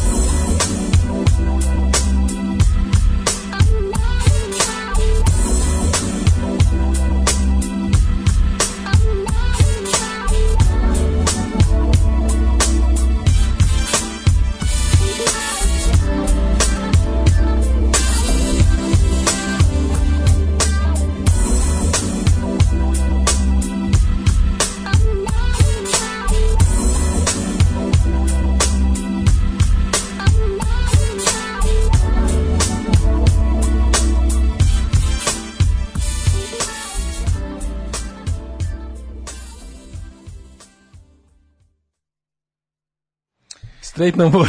Straight no more i prti ja, da Biggie. Da, da, da, da sam ovaj postao sam sucker za te gluposti. Koliko dugo sam se odupirao da ne slušam to sve sami sami se sviđa. Pa sve se duhovito, zbog toga misliš, duhovito, pa duhovito je, ajde nemaš reći da Prti da nije. BG za dobro jutro. Tako je. Ovaj kaže u trti do smrti ekstra. Mm -hmm. E, uh, speaker Spinka Golušin je Kikinđanin. Au. Mhm. Mm -hmm. uh, ženja kaže digu mu se. Ženja već drugi dan se izveštava o svojim erektilnim funkcijama. Mm nakon erektilnih disfunkcija i nama je drago da mlad čovjek ovaj se uspeo to da rekla, postigne. Da se vraća, da. da. Mlađe, po prvi put i Mitra Ginđana nije se napušio dobre ganđe. Dobre ganđe. E, nisam Cartman, nego Catman. Aha, Catman sam, dobro. Mm -hmm. Dobre vesti za fanove Walking Dead 11. sezona će biti poslednja, imaće 24 epizode. A Daryl i Carol dobijaju svoju spin-off seriju. Pa gde su to dobre vesti? Ovo su stvarno... Ne. Dobre vesti bi bilo da... Dobre vesti su bili, bi bile tipa nema više serije, snimit će film u kom će da bude spektakularan kraj. Da svi izginu. Recimo, herojski da kažu jebi ga, death wins. Ma ne, treba drugačije. The dead win. Treba zombi da ovaj osnuju svoju stranku i da dođe pa to je na vlast. A ne, to, to, se, to se već desilo u Srbiji. I da slušaju Rika, da, da Rika Gramsa su srušili. Pa jer jesu. Da sruši, da kažu mi smo se ujedinili za, za promenu. Dosvježi. Ove, ovaj, e, šta imamo? O, juče sam, juče sam ovaj, proveo dan sumorno gledajući reakcije, iz, to jest izostanak reakcije na ono što smo juče najviše pričali, a to je ovo ukidanje presude Ćuruvik. Ma da, to je. je to prošlo, baš ono što si rekao. Niko ništa, Vesti su bile, e, a onda, onda ubrizgavanje te priče o hiljadu dolara. sa Đilasovom kumu priviđaju se milijarde dolara, evo ovde ono... Ne, ovaj, stvarno, ono. Ne, ta priča o, o, o, tome da će svako dobiti hiljarko, to je, to je Iz, toliko e, neprijatno. E, ali čekaj, molim te, onda ova, o, s, e, s, Suzi, Suzana, Mm -hmm. Hteli smo da odustanemo zbog tačke 10. Selidba ambasade. Juče, nam, juče su nam objašnjavali ceo dan, ceo dan da. kako Srbija neće. E, Vučić je nazvao ovaj, kako se zove, Izrael i rekao im je, ako priznate Kosovo, ne selimo ambasadu. Mislim, mm ono, pošto je, pošto je dogovor već bio ovako, vi ćete preseliti ambasadu i posvađati se sa celim svetom, a za uzvrat ćemo mi priznati, priznati Kosovo, pošto je to bio dogovor, mislim, koji ste potpisali. Ne, meni je to potpuno neverovatno da sad ovaj izlazi, izlazi kaže, ovaj, selitba, da, to nije tačno, to, to za ambasadu nije tačno. Ali čekaj, izvini, šta ste vi tamo radili? Mislim, ja sad govorim iz pozicije pregovaračke Srbije. Znači, Srbije je užasno stalo da niko ne prizna Kosovo. To niste uspeli, još ste pritom za uzvrat dobili to bulju puno šimika. I sad ćete da nam prizna, prikažete to kao diplomatski uspeh, što je Kosovo priznato od strane Izraela, a vi eto ćete onda njima za znači kao e, šta koje su tu poruka šalje? Kao tipa naše naše reči naše, sledeće, kad naš, Amerika zove ideš tamo. naših predsjednika je ništa. Pre, poruka potpis je sledeća. Kad te Amerika zove ideš tamo kada Amerika kaže šta ne, treba da to, što ti to uradiš. Ova juče I sad pa zašto mi fucking savetnicu medij, mislim to nije izabrana ličnost, ona nije državni funkcioner. Ona nije da. državni funkcioner, ona ne predstavlja ni na koji način državu Srbiju. Suzana Vasiljević je Ovaj Briši, e, briši služi lice, ja sam tvoja savetnica. Ona je pri, ona, ona ima priva zasnovan privatni radni odnos u kako da kažem sa, sa Aleksandrom Vučićem. Znači, to nije državna funkcija, to nije prvo nije demokratski izabrana funkcija, drugo to što on se ona nalazi, ona ne predstavlja savjetnik za medije. Ona nema mail, savjetnica predsjednika. Savjetnik za medije, ne znam da li ona uopšte ima pravo na .gov, ovaj, kako da. se zove. Možda u norveškoj vladi bi imala. .gov, tačna, tačka na. Ne, no. Mislim, možda kad bi radila u norveškoj vladi bi imala ovaj, pravo na e-mail od norveške vlade, ali u srpskoj za sada ne. Mislim, nemam pojma. E, ali ne radi se o tome, nego savjetnica za medije će nama da objasni i to je znaš kao šta, ko si ti? Ko si bre ti ženo?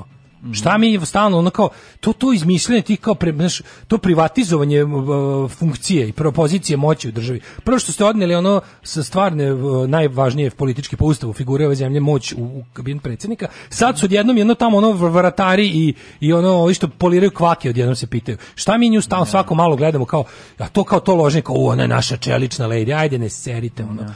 Znači, ono bukvalno kao, i onda će on nama da objasni, znate šta, uh, ambasada, ambasada nije konačna, potpisao si, šta nije konačno? No. Da. Šta to znači? Znaš, da naš čak i takav kljakav, jadan, izjebani prevarantski, to taj jednostavno onaj izrađeni potpis ničemu ne vredi. Neće, hoće drugu stvar da, da kaže. Hoće drugu stvar da kaže. Da smo uplatili, ovaj, kako se zove, još 6 meseci na mestu gde smo sad trenutno i dok ne prođe tih 6 meseci nećemo se seliti, a onda ćemo se preseliti. Vidi, pa samo ne, ali ti znaš, mislim... pitanje je samo uh, trenutka kad će ta selitba da se desi, pošto su potpisali to će uraditi. Za potrebe bacanja pršine u oči našoj ekipi ovde, onda se izmišljaju ovakvi tekstovi. Ti znaš da i pa ne, ali što svi znaju kako nisu sve, smeli ne ali znaš šta je super kako nisu smeli Vučića malo da propitaju tome predsjedniče pa, šta naravno, to znači pa, naravno, ajde da sad nam vi sa autoritetom predsjednika zemlje koji se sam ugura u to znači sam ste sami ste u ono treba pošalje Bernabu kraju to. krajeva imaš čak i što se tiče jel prava i pravde više ovaj zakona nego nego pravde ovaj, imaš po zakonu jednostavno već, mislim, su, šta ima nama Suzana Vasiljević da objašnjava? Međudržavni sporazum. To je međudržavni sporazum. Mislim, predsjednik ga je potpisao. Predsjednik je, uh, e, predsjednik po definiciji je, on predstavlja suverenitet zemlje u zemlji i inostranstvu. Znači on je tamo išao, on njegov potpis je hteli mi to da priznamo ili ne, sviđalo on se ili ne, njegov potpis je potpis države Srbije, svih nas. Da. I sad on je tamo nešto obećao. I on je tamo nešto znači kad potpišeš ugovor, jebe mu sunce, to znaš šta znači. I sad ona kao, onda posle toga, kao pizda pobegne negde, izvr, no. Da. priča neke gluposti i onda kad, kad treba da odgovara pred domaćom javnosti. Šta si ti tamo potpisao? Pred šta, kojom objasni nam pred to. kojom domaćom javnosti? Ja, pred jednim novinarom. Pa da. ne, počeli, pa, smo celu priču počeli sa no. Da. kako je na papiru. Kako Mislim, je, i meni je stvarno, i mene boli mozak i duša i sramota me što me takav čovjek predstavlja kad se potpiše. Ali u principu, ajde tako je. Kažem tako je. Igramo se na zatečeno. Na zatečenosti onda mi možemo, izvinite predsjedniče, Položite račune narodu koje, koje predstavite. Šta ste tamo potpisali? Objasnite nam zašto je u našem interesu da mi imamo, da mi uprkos sporazum koji imamo sa svim međunarodnim, on, osim sa ludim Trumpom, premeštamo našu ambasadu iz Tel Aviva u Jerusalim. Šta, šta do, objasnite nam naš interes u tome. Zašto je to problem? dobro? Što si to potpisao? Da, šta je problem ovo? ovdje? Novinam umesto toga poture da. Suzanu da nam kaže, a nije to ništa, to naš protiv Sekerov kurac. To mislim, mi smo se, pa znaju ljudi da smo mi, da smo mi banda neodgovornih lažova. Ako preseliš svoju, um, svoju ambasadu uh, u, u, ove, ovaj, iz Tel Aviva u Jerusalim, ti si počinio uh, na neki način presedan jer si zapravo prekršio povelju jedinih nacija, kako se ja shvatio. Ne znam, ne, nisi povelju, nego postoji jedna rezolucija. Rezoluciju, izvinjam se. Rezoluciju jedinih nacija. Koja, i, ti si, toga... I samim tim ti ne možeš da se pozivaš onda na 1244 ukoliko sam tako kršiš je, tako je, svoju da, našu. Da. to, to ima, i, i, to, i to. I da. to je, to je izuzetno prekršio važno. Prekršio si jednu od rezolucija. Prekršio si rezolucije, ti, da. to te sprečava da se pozivaš na neku drugu. Fora sam, mislim, ako pre, da, ne ulazimo, pre... da ne ulazimo previše u detalje, zašto je to tako. Znači, uh, Jerusalim, mesto religijskog sukoba između ono, dobro, to znamo, da. raznih tamo tri religije. E sad, fore što od osnutka Izraela. Jerusalim je ono dispute territory, ok, da. de facto pod kontrolom Izraela, to je Izrael, ali su se zbog toga da bi bilo, dogovorili su se da glavni grad bude Tel Aviv, mm. baš zbog toga da bi nešto kao otprilike ono, da bi, da bi ostala neka, neka, taj, to neinsistiranje na Jerusalimu kao celom gradu, on je, to je podeljen grad. E sad kao, ovaj insistiranje na tome da to se tako drži neko vreme je zapravo zalog eh, garant dobre volje da se uopšte o tome razgovara. Mm kada Izrael činite neke sileđijske jednostrane poteze kao što je ovo, zna se da će ih u tome skoro uvek pogotovo kad su, kad su republikanci na vlasti bez bezrezervno da. podržati Sjedinjene američke države. Uvijek su ih E sad kao uglavnom ih u tome niko drugi ne podrži kada se radi o tako jednostranim i bahatim i bezobraznim potezima, osim kad je na, na vlasti ono što smo juče pričali, ta ludačka, fund, fundamentalistička hrišćanska struja mhm. oličena u savremenoj republikanskoj stranci, ali tu je zato ostatak sveta da to nekako malo izniveliše. I mi smo, eto, bar na papiru bili deo tog nivelišućeg dobrog, u, kako da kažem, um, ono, peace seeking da, je bi ga, Ali ono, ne samo da smo sveta. tu napravili e, ovaj tu grešku, nego smo još ovaj, upo, uradili nešto, a pri tome i dozvolili da ovaj, da Izrael prizna Kosovo, koji nam je kao predstavljao jel tako, branu priznanja Kosova, ovaj Pa to nam je bilo jedno od najvažnijih, zašto imali smo to to su imali da. zamahanje do pa sada pa, da, do, do 3 pa, da. dana smo imali mm. to zamahanje mhm. kao fazonu pogledajte, ube, obično se znalo, pazi, e, znaš kako smo se mi uvek hvalili, tipa većina stanovnika, većina ljudi na zemlji nije priznala Kosovo, jer kao dovoljno je da Rusija i Kina ne priznaju. Da, da. I onda kao eto većina stanovnika ljudi na svetu ne priznaje bilo naše, ali nikad nismo gledali otprilike da od ovih zemalja koje jesu priznale da su to da su to listom najmoćnije zemlje sveta koje de facto vode svetom i oblikuju ga kako one žele. E onda a najbiser među tim nepriznavačima Kosova nam je uvijek bio Izrael. Da. da pokažemo kako eto to je toliko jedna kao toliko je pravo i pravda i sve na našoj strani da čak i najjači američki saveznik zemlja koja je najviše da kažeš rodila Kosovo da, nezavisno ne, da. ne. je kao na našoj strani tu i eto više nije pa više ali mi sad mi imamo suštinski sad jedno potpuno nevratno ja ja bi ja bih čak razumeo pazi ja bih čak razumeo da smo mi napred da smo mi prvi potrčali recimo da kažemo ej dragi Izraele pošto nam držiš stranu u ovom našem istrajavanju da u našem ludilu. Ovo, ovaj, mi, ćemo, ćemo mi da ćemo da, da premestimo ambasadu, da, da, da. da vas da dodatno učvrstimo da. u želji da, da ovaj, kako se zove, da, da, da ostanete na tim pozicijama. Dobro, ali nije li ovo možda samo prvi korak u prihvatanju realnosti o kojem pričamo? Znaš, možda jednostavno da bi došlo ne, do... Ne, jeste, ovo jeste za okretanje, mislim, pa istina. A, ovo je do sad, ali mislim, mi ta svoja istorijska njet Moskve ono svako malo trestimo. Imali smo od početka Vučićeve vladavine Pa ovo recimo, ajde kažemo peto. Po peto, pa peto je. Da, da. Mislim, oni su i pet zaokreta od da, Rusije. Znao, onda ode pa kupi ono, mislim, ono, njihove avione sa najlona. Mislim, I jeste je svaki put sve rapidnije i radikalnije. Mislim, jebe mu sunce, sad stvarno bilo, sad je bilo nivici dimo ovoga diplomatskog skandala. Da, I da. bilo je, ono, što je bilo čudno? Bilo čudno što je on pustio, da li je to Marko Debilko sam izleteo, mm. ili je to, ili je to da. ništa nije da slučajno. Da kaže da su da kaže da je on tamo isto ponižavan kad ode. Da to što je kao Trump uradio, da, da ne mislim, znaš kao, u fazonu kao nemojte da mislite da- Rusi da nas ponižavaju. Kao, Rusi nas ponižavaju, mislim, ne. pazi, mi to znamo. Mi to znamo, mi znamo da ono, razumeš, taj jednostavno, taj ono rukaško, sadistički, putinovski mentalni sklop KGB aparatčika, naravno da, da je ono, Mislim, na kraju krajeva kao zašto se Trump i Putin tako dobro razumeju. Su stvarno, u principu, nikad, to su nikad bliži ono američki i ruski predsjednici u istoriji, mislim. Ali, znaš, tako da mi je jasno da kad ga je kinio jedan, da ga je kinio i drugi. Nemam tu da. nikakvih, ovaj, nemam dilema. Ali, mislim, jeste polako nas, zato ti kažem ono, ovo, ovo što sam rekao pre, pre ovog uključenja u onom otvaralici.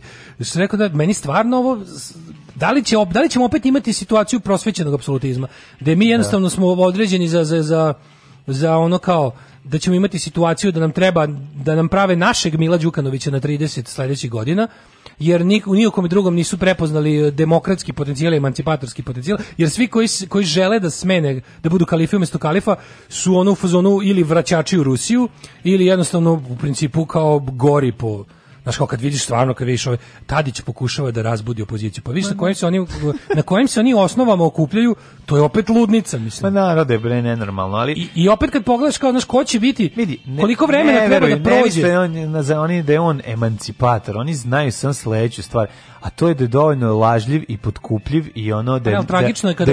da, je, da je ono da bi moguće kontrolisati ga. I to je cela priča. Ne, ali tragično Dogod imaju čoveka kojeg mogu da kontrolišu, on će biti na je de facto odnos, kada pa tebe A, posmatraju kao e, društvo nezrelo za demokratiju, uzmano kao vi niste za to, zato ćete da dobijete čvrsto rukaša koji vas polako na kašičicu vodi ka nama, mi ćemo njega da kroz da. ovaj prvo direktnu podršku deklarativnu, a kroz ove povremeno jel finansijske injekcije i slične stvari e, održavamo na vlasti jer nam ćemo narodu u toj državi da jasno objasnimo da nećemo ni sa kim drugim da sarađujemo. Vidi, što će, je do sada bio slučaj. Jeste, ali oni će prebaciti na drugu stvar. Ono. Ti sad gledaj sam kako će izgledati. E, klima se menja u odnosima sa Kosovom i Albanijom, ali se menja u, preko Albanije. Vidjet ćeš, krenut će misi Albanci, e, krenut će samo priča o ekonomiji. Odjednom će se zaboraviti, znači, ali, ali, ali, će se toliko baciti ovaj, na svetlo, na, na tu stranu priče, da će se zanemariti malo naše ono vekovno neprijateljstvo koje ovde ono isto tako tako Ma mi isfabrikovano. Bolje mi sa isfabrikovano, govorim nikako, ti, da. isfabrikovano, kao sve što je isfabrikovano, tako i ovo je sad će da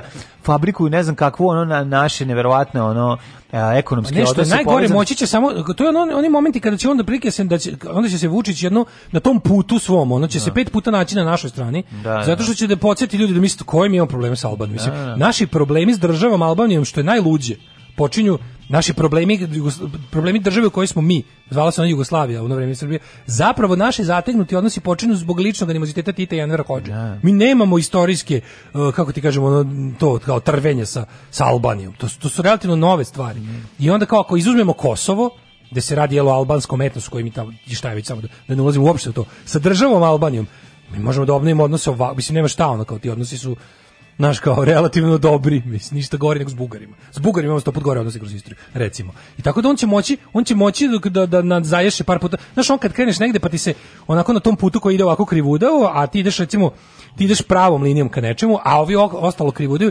ta tvoj ta njihov krivodevi put će tvoj pravi put presjeći jedno sigurno pet puta. Ne, ne. I tu ćete se vi onda kao vaše složiti neći, na par par dačaka, nekde, da. složite. Sad to je problem, mislim, zapad je zapad je ono kao Mila Đukanović drži tamo i da li će ga držati dalje, pa će on i dalje predsjednik. Mm. Ali tu oni su isto neko neko Crnu Goru precipiraju isto kao to duboko podeljeno primitivno društvo koje treba jedan jebi kao vi ste u fazonku najbolje što ste vi u domenu slobode i emancipacije da ste uspeli da iznivelišete u celoj vašoj istoriji za sada je Tito. Znači to je da. bio to je bio odnos autokratije i emancipacije koji vama leži. Sve preko toga vas gura u klanje, sve da. manje od toga naš kao je nama neprihvatljivo. I onda su oni otprilike to. Sad ja se bojim da oni stvarno nas vide isto tako, pa da će onda tu ne znam kako da nam Znači da će onda posle znači onda za, s tim što mi nemamo s tim što mi nemamo taj kao da kažem identitetski problem kao Crna Gora gde se stalno intervi između srpstva i crnogorstva, nego ćemo ovde da ono gledamo otprilike da će da nam uvale na sledećim izborima, ja se ozbiljno brinem da će da sledeći kad dođu izbori, da će nam stvarno uvaliti Aleksandra Vučića, a da će opozicija istrati nekog takvog mračnjaka, da. Zato neće Ovog biti mlađana Đorđevića. Kog ne, pa da reći njega. Pa ne, tako znaš, bojim se da ne nađu nekog ono koji će da zabra, zabrani toliko da će ono biti stvarno izbor između Pa kao tipa, naći, očete... zato što Vučić poznaje tu kofu najbolje. Da. Pa mislim, on će i kreirati, on će mi reći, on će mi reći da, koga želi za protivnika. Tako, tako. I onda će mi moći da biramo između, jel kao te jedva jedva ono mikronski emancipatorske ex ono radikalske uh, nomenklature koja vlada, a da. koja je u, da. inače kriminal i korupcija i i Tako. i, i banditizam. I Brown, a s druge Brown, strane Brown, navodno kao države, da. pretendente da. na kao da. na, na vraćanje prave demokratije u kom će biti izbora, a koji će stvari da bude opet ako neka ono ne ne neki užas. Šta je, gospodo, hoćemo li početi? Ne. Pevaj. Ne znam to da pevam. Trebalo je da se potrudiš. Nisam želela da se potrudim. Alarm svakog radnog jutra od 7 do 10. Do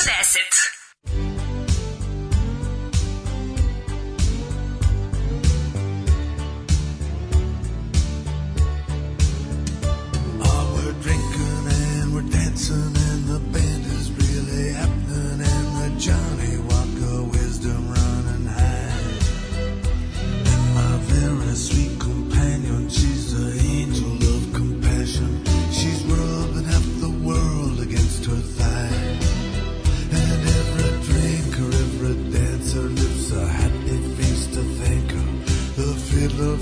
something so sublime.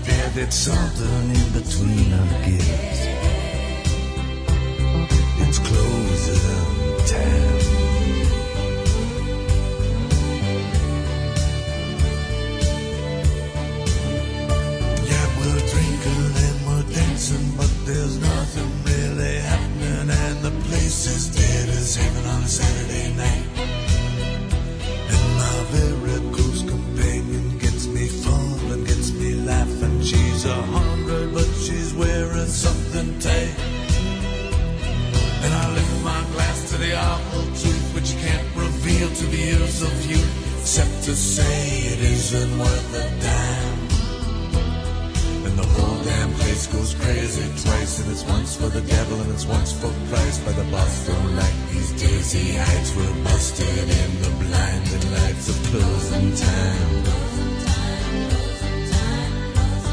The whole damn place goes crazy twice, and it's once for the devil and it's once for Christ. But the boss don't like these dizzy heights. We're busted.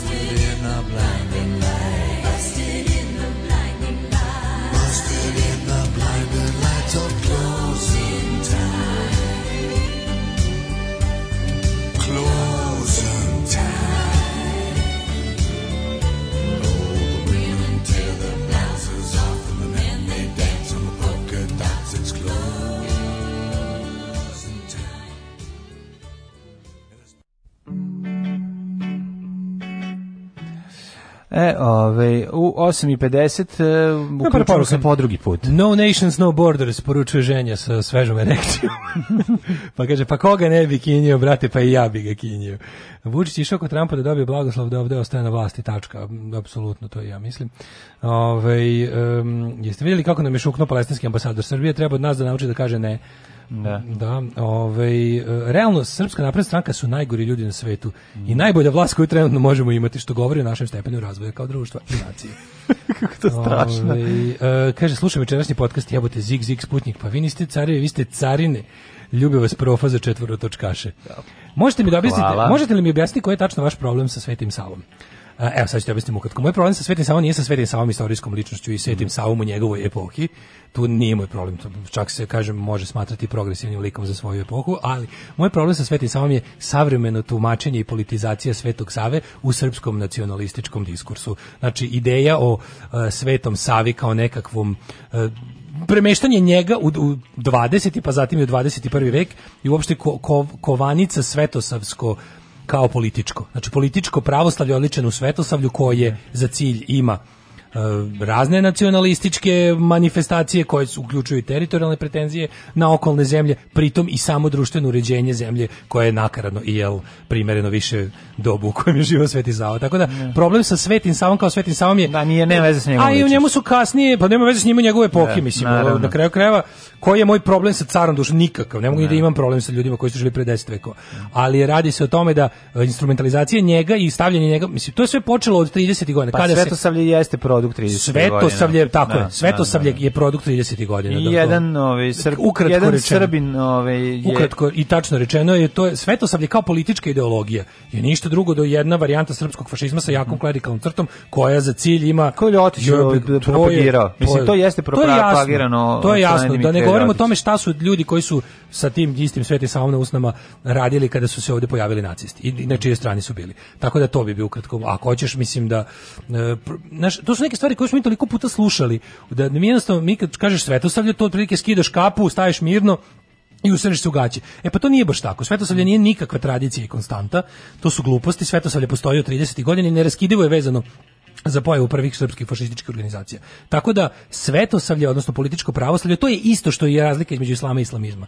Ako hoćeš da znaš kao, znači islam je to, više ono, skoro milenijumska stvar, stara i stara da je nekoliko vekova stara religija, a islamizam je politički islam koji traži da transformiše društvo po pravilima šerijata um, političkim sredstvima. Znači, tako je i svetoslavlje političko pravoslavlje. Nakaradan, nazadan, uh, socijalni način, jednostavno, eto to je, ukratko. Um, Vulin kaže, prekižemo... Ma vi niste carine, vi ste granični, ma vi ste administrativni prelazi. Ove, ovaj, sad ste se uhvatili 12.44 i UN, a uvek se sprate s time.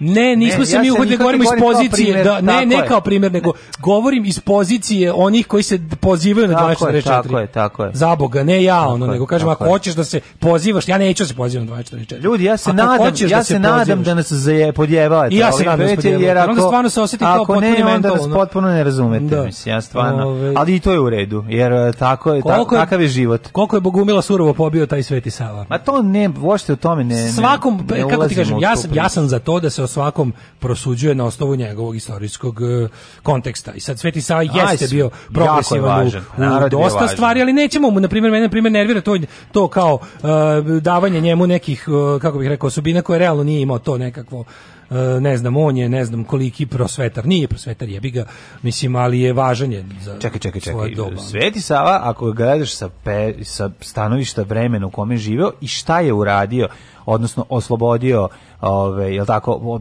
izborio autokefalno Srpske pa pravoslavne crkve mislim. u odnosu na molim te, Ohridsku. ove ovaj, Ohridsku arhipiskopiju koja je bila ovaj iskoristio trvenja jako pametno politički. To je važno. Politički jako pametan potez da je mogao da iskoristi trvenje u Vizantiji Tako koje, je, da, dobro se da politički toga, potez. Pa i to je jako važno. U to vreme je izborio se za izborio se za ovaj nezavisnu ovaj crkvu. Tako u da to, to vreme kada pojam tiče, savremene države nije postojao, to jeste bio znači, korak je ka državnosti. Mislim, u tome smislu, u tom smislu to, je, pa to, eto, to je važnost. Važnost Svetog Save jeste velika. Znaš, ali, ali kada krene na, da. ludovanje, da, prebacivanje, da, prebacivanje toga svega u 20 i 21. vek sa sve magijskim lupetanjima. A dobro. Sa Sveti, Sveti Sava kao svetac koji izmišlja Znaš, prozore, priču, Sveti Sava ono, i đavo, da stavlja med u pčele i ostalo. Sveti Sava to je već to, to je dodatna ono sul, gluparija, razumiješ, da. eto ono.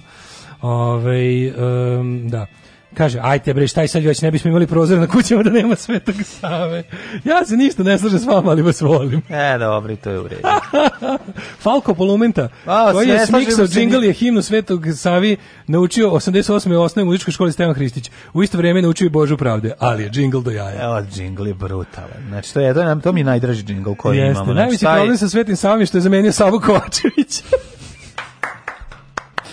Tako je. Da. Ajmo, ovaj sad u, u šta ćemo imamo šta Prekidamo sve vojne vežbe sa NATO-om, Rusijom, Kinom, evo izgleda srpskoj vojsci nestalo municije. Izgleda da Nemamo, srpskoj vojsci nema džebane sad. Vlada je odlučila da zamrzne sve vojne vežbe, dakle treba će na veliki frižideri. E, ali sad opet... zamrzavanje velikih vojnih vežbi. I tu je, i to je, i to se nadovezuje na Koliko će to samo struje pos, posisati? Ne, ne, i to se nadovezuje na prethodnu priču, ali Zbog strašnih pritisaka iz Evropske unije. Da, pa da. Na pri, pritiska na Europsku uniju. Ali gledaj kako je to rešeno? Znači, mi, se kao, mi smo kao neutralni. To je u mhm. stvari sada, sad će ta naša neutralnost polako da mhm. jel ide ka zapadu. Ček da vidimo, kaže, vlada Republike Srbije donela je odluke na jučerašnjoj zasednici da se zamrznu sve vojne vežbe. Čekaj, izvinjam, Izvinjavam se, vlada Republike Srbije, jer da. mi imamo vladu. Imamo, Imamo vlada je ona koja do konstituisanja novog parlamenta. Ona vlada nama, pre, A, okay, nama okay. je Ana dobro, Brnabić dobro, dobro, jasno, u redu. I ministri su Srbija ministri. se nalazi pred strašnim i nezasluženim pritiskom Evropske unije. Znači Aha, na Evropsku uniju ne može da zahteva od nas toliko toga, ovaj pritisci koji nemaju nikakvog smisla i nisu utemeljeni u našim vidiš, odlukama i postupcima. Rekao da Aleksandar Vulin. To ti kažem, mi moramo pa i dalje on ima tu ulogu da i dalje se u javnosti, vojska, dalje se u javnosti EU percipira zato što je u našoj vojski ja ja vojsci jaka proruski element i ono to znaš da je to moraju da srede. Pa i to je sad problem kako se to radi. Znači jedini jedini jedini prvi osnovni pa ministar vojske ti je ovaj ti je ono neguje. Ministar vojske je ljudska krpa koja će sutra biti za NATO. Pa znači to je jednostavno on on će zaovek ostati taj ono kako ti kažem bradati ono Aleksandar Vulin je ono otprilike najgore od staljinizma plus četništvo. No. Da. To je Aleksandar Vulin. Pa da, ali ono, ono u njegovim ranim danima je ovaj, bio navodno ovaj pa to, kao, radikalni levič. On je voleo u Sovjetskom savezu tajnu policiju i gulage. Ne, da, to mu da, se ne. dopadalo od Sovjetskog saveza, Staljinu mu se dopadao. Lepo je kad Staljinu izraste brada, to onda najlepše. Čekaj, ti pričaš o moćnom portiru. Kada Staljinu izraste brada, onda onda je to, to je onda dobitna kombinacija. To je to, to je super, to je taj ono. Ali je sad e, vidiš i dalje oni puštaju, da li je to ne može da bude bude ono radikalan ono presek, mm -hmm. da li to sad mora da ide polako. Opštino služ odlukom skupštine mi smo sad trenutno vojno neutralna zemlja. A pa da. dakle da. sad smo Švedska. Losiš kako je bolje, jel? Ma dobro, neutralni smo već to, to je koštunici, neutralnici, koštuničarska ono, ideja. Mm Mislim, dok ne budemo primorani da biramo, bit ćemo i to primorani ako budemo istrajali na svom putu ka tamo, ali je fora u tome što razumeš, oni dalje moraju te pri... šta su oni uradili? Oni su ovo, ura... ovo je bio način da se, mi smo danas trebali da počnemo vojnu vežbu s Belorusijom, ne znam da li znaš. Mm -hmm. Danas je trebalo da počne neka od tih naših ono glupih vojnih Ovo je jako važno što nije počela. Nije počela. Ne. To je poruka, pogotovo što je to sad poruka je u svetlu dešavanja u Belorusiji. Pa to jeste poruka. A poruka je, ali da. kako je rešeno da mi kao, pošto ne možeš da kažeš, tipa, znaš kako je to da kao, kao kad ti se ne ide na kontrol iz matematike. Pa sad ne možeš samo da ne možeš kod nego ceo taj dan kažeš da si bolestan. Da, da, da E da tako i ovo. Ne. Da, da. Znači ne ide nam se ne, sad nam se trenutno ne pača više s, odjednom s Belorusijom i Rusijom na manevrima, pa smo stavili moratorijum na sve za slučaj, a u tih šest mjeseci nas ne znam da bi nas NATO i jednom pozvao na zajedničke manevre.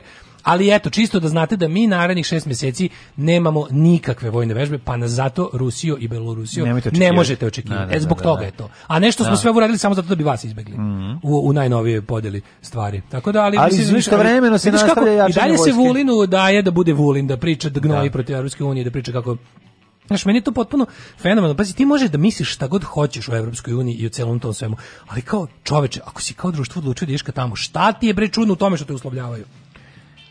Pa to ti je kao nerazumevanje Šta zašto, tome što uslovljava? zašto ovaj pa ne, nastavnik od sebe zahteva ne, neku određenu ovaj, količinu, kvantitet znanja. Nastavnik na, na, u privatnoj školi engleskog koji si se upisao, da bi ne. analogija bila skroz tačna. Da, da, Jer da. možda ti se u ovu školu nije išlo, da, da, da, ali ovo se pretpostavlja da hoćeš. Ne. Razumeš, ovo se pretpostavlja da hoćeš i da si čak i dao neke pare za to. Uh, ni sa istokom, ni sa zapadom. Tako smo, ni sa severom, ni sa jugom. Kad vrate zapada. Naše učešće uh, u mirovnim operacijama biće posebno razmatrano i prema potrebi suspendovano. Proces opremanja i jačanja naše vojske neće biti zaustavljen. Dakle, mi nastavljamo da se ovaj, da jačamo vojsku. Vojska je pojačana, svaki vojnik je dobio još po jedan žilet, ne znam da li znaš, za sapun se nema, ali svaki vojnik će imati još po jedan žilet, tako, žilet, tako da će biti i obrijan i naoružan uh, naoružan i opasan. Ko je bio to? Remo? Ne, Remo, nenaoružan i opasan. to smo mi.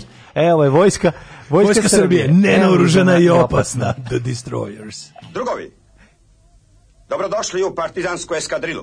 Alarm sa mlađom i Daškom.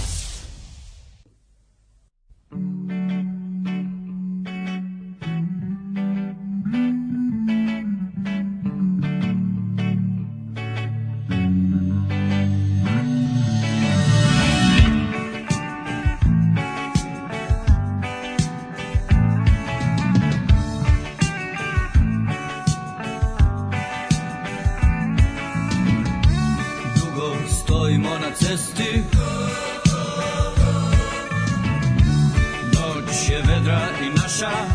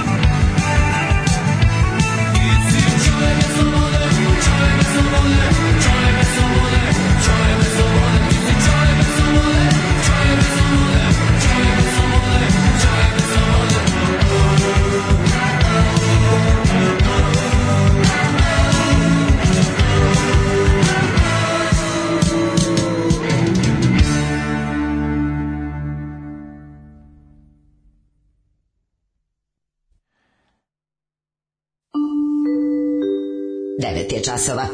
Radio Daško i Mlađa. Prvi program. Evo nas 9 sati i 4 minuta, ulazimo u treći kobni sat. 10. je septembar.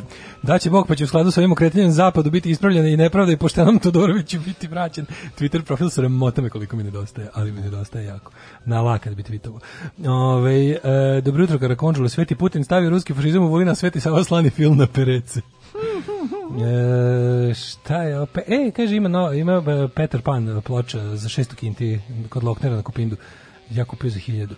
Um, Ima za 600 album, dinde. E, to Kuzmi, to super album. Pa da. To super album. Mm -hmm. um, ako za 600 i više nego super. Mm -hmm. um, kaže ovako, uh, Sveti Sava je zauzeo između ostalog i mitološku poziciju nekoliko starijih slovenskih božanstava, otud izmišljanje prozora i tako dalje, Sveti Sava Demiurg, a fašisti mm -hmm. neke govna.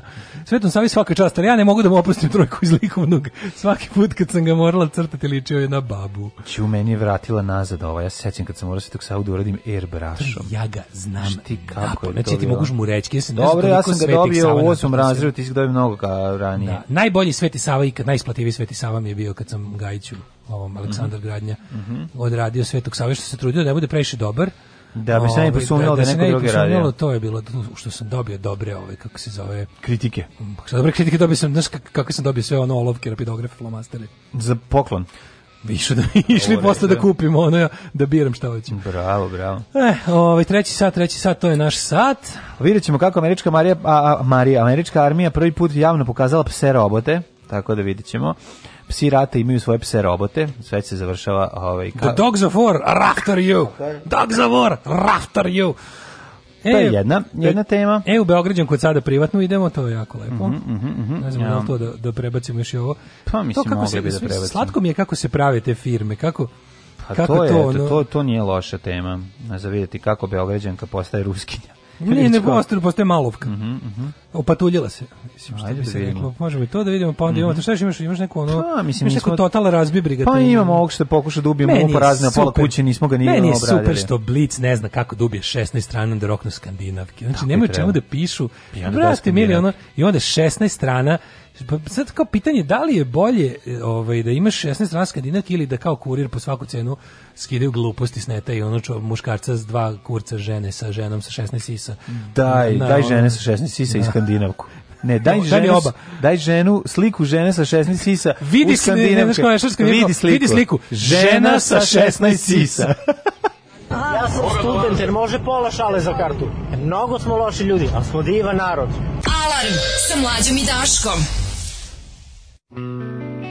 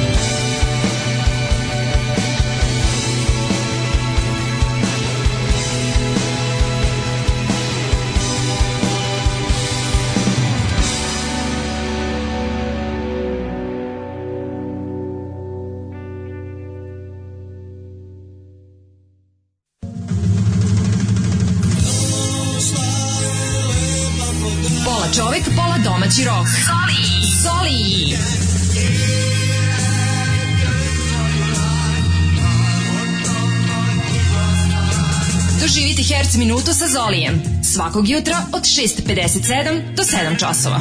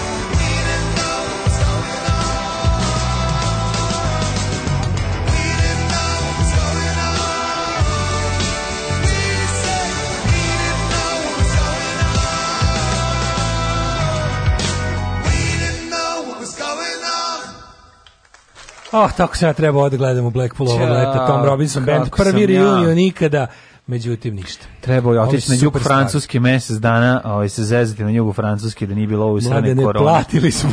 Skupo smo platili ove... Gore, da, ove, nam, jedino je gore bilo onima što su umrli od korone. Pa, ne. Da. Ove, ovaj, um, da vidimo, čekaj, ima nekih poruka interesantnih? Ove, ovaj, Daško znam da si veliki poštovalac Richarda Dawkinsa koji je njegovu knjigu preporučio God is, ovaj, kako se zove, God Illusion prvo, o tome da se mhm. počne. Mhm. Ovaj, zabluda o Bogu. Ima kod nas Helix, izdavač, podržite njihov rad, tamo lepo.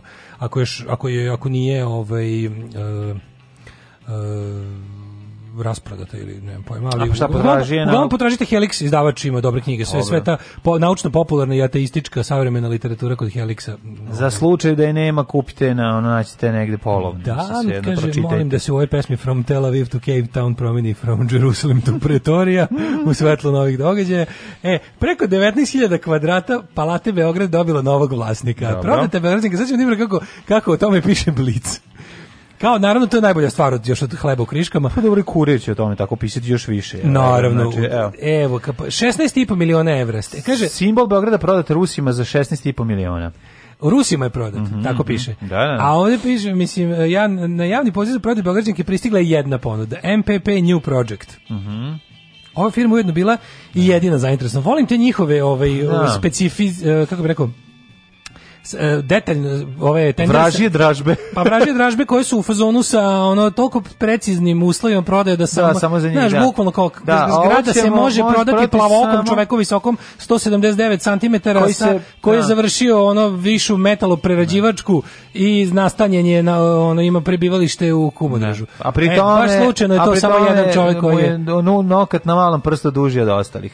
Mislim mora biti još nešto specifično da nema šanse da se pojavi još jedan takav čovjek i da se tako to reši. Daško, Beograđanka, dođi bi da zapeva onaj čuveni hit. Na Beograđanka, divna, predivna, ljubav jedina je.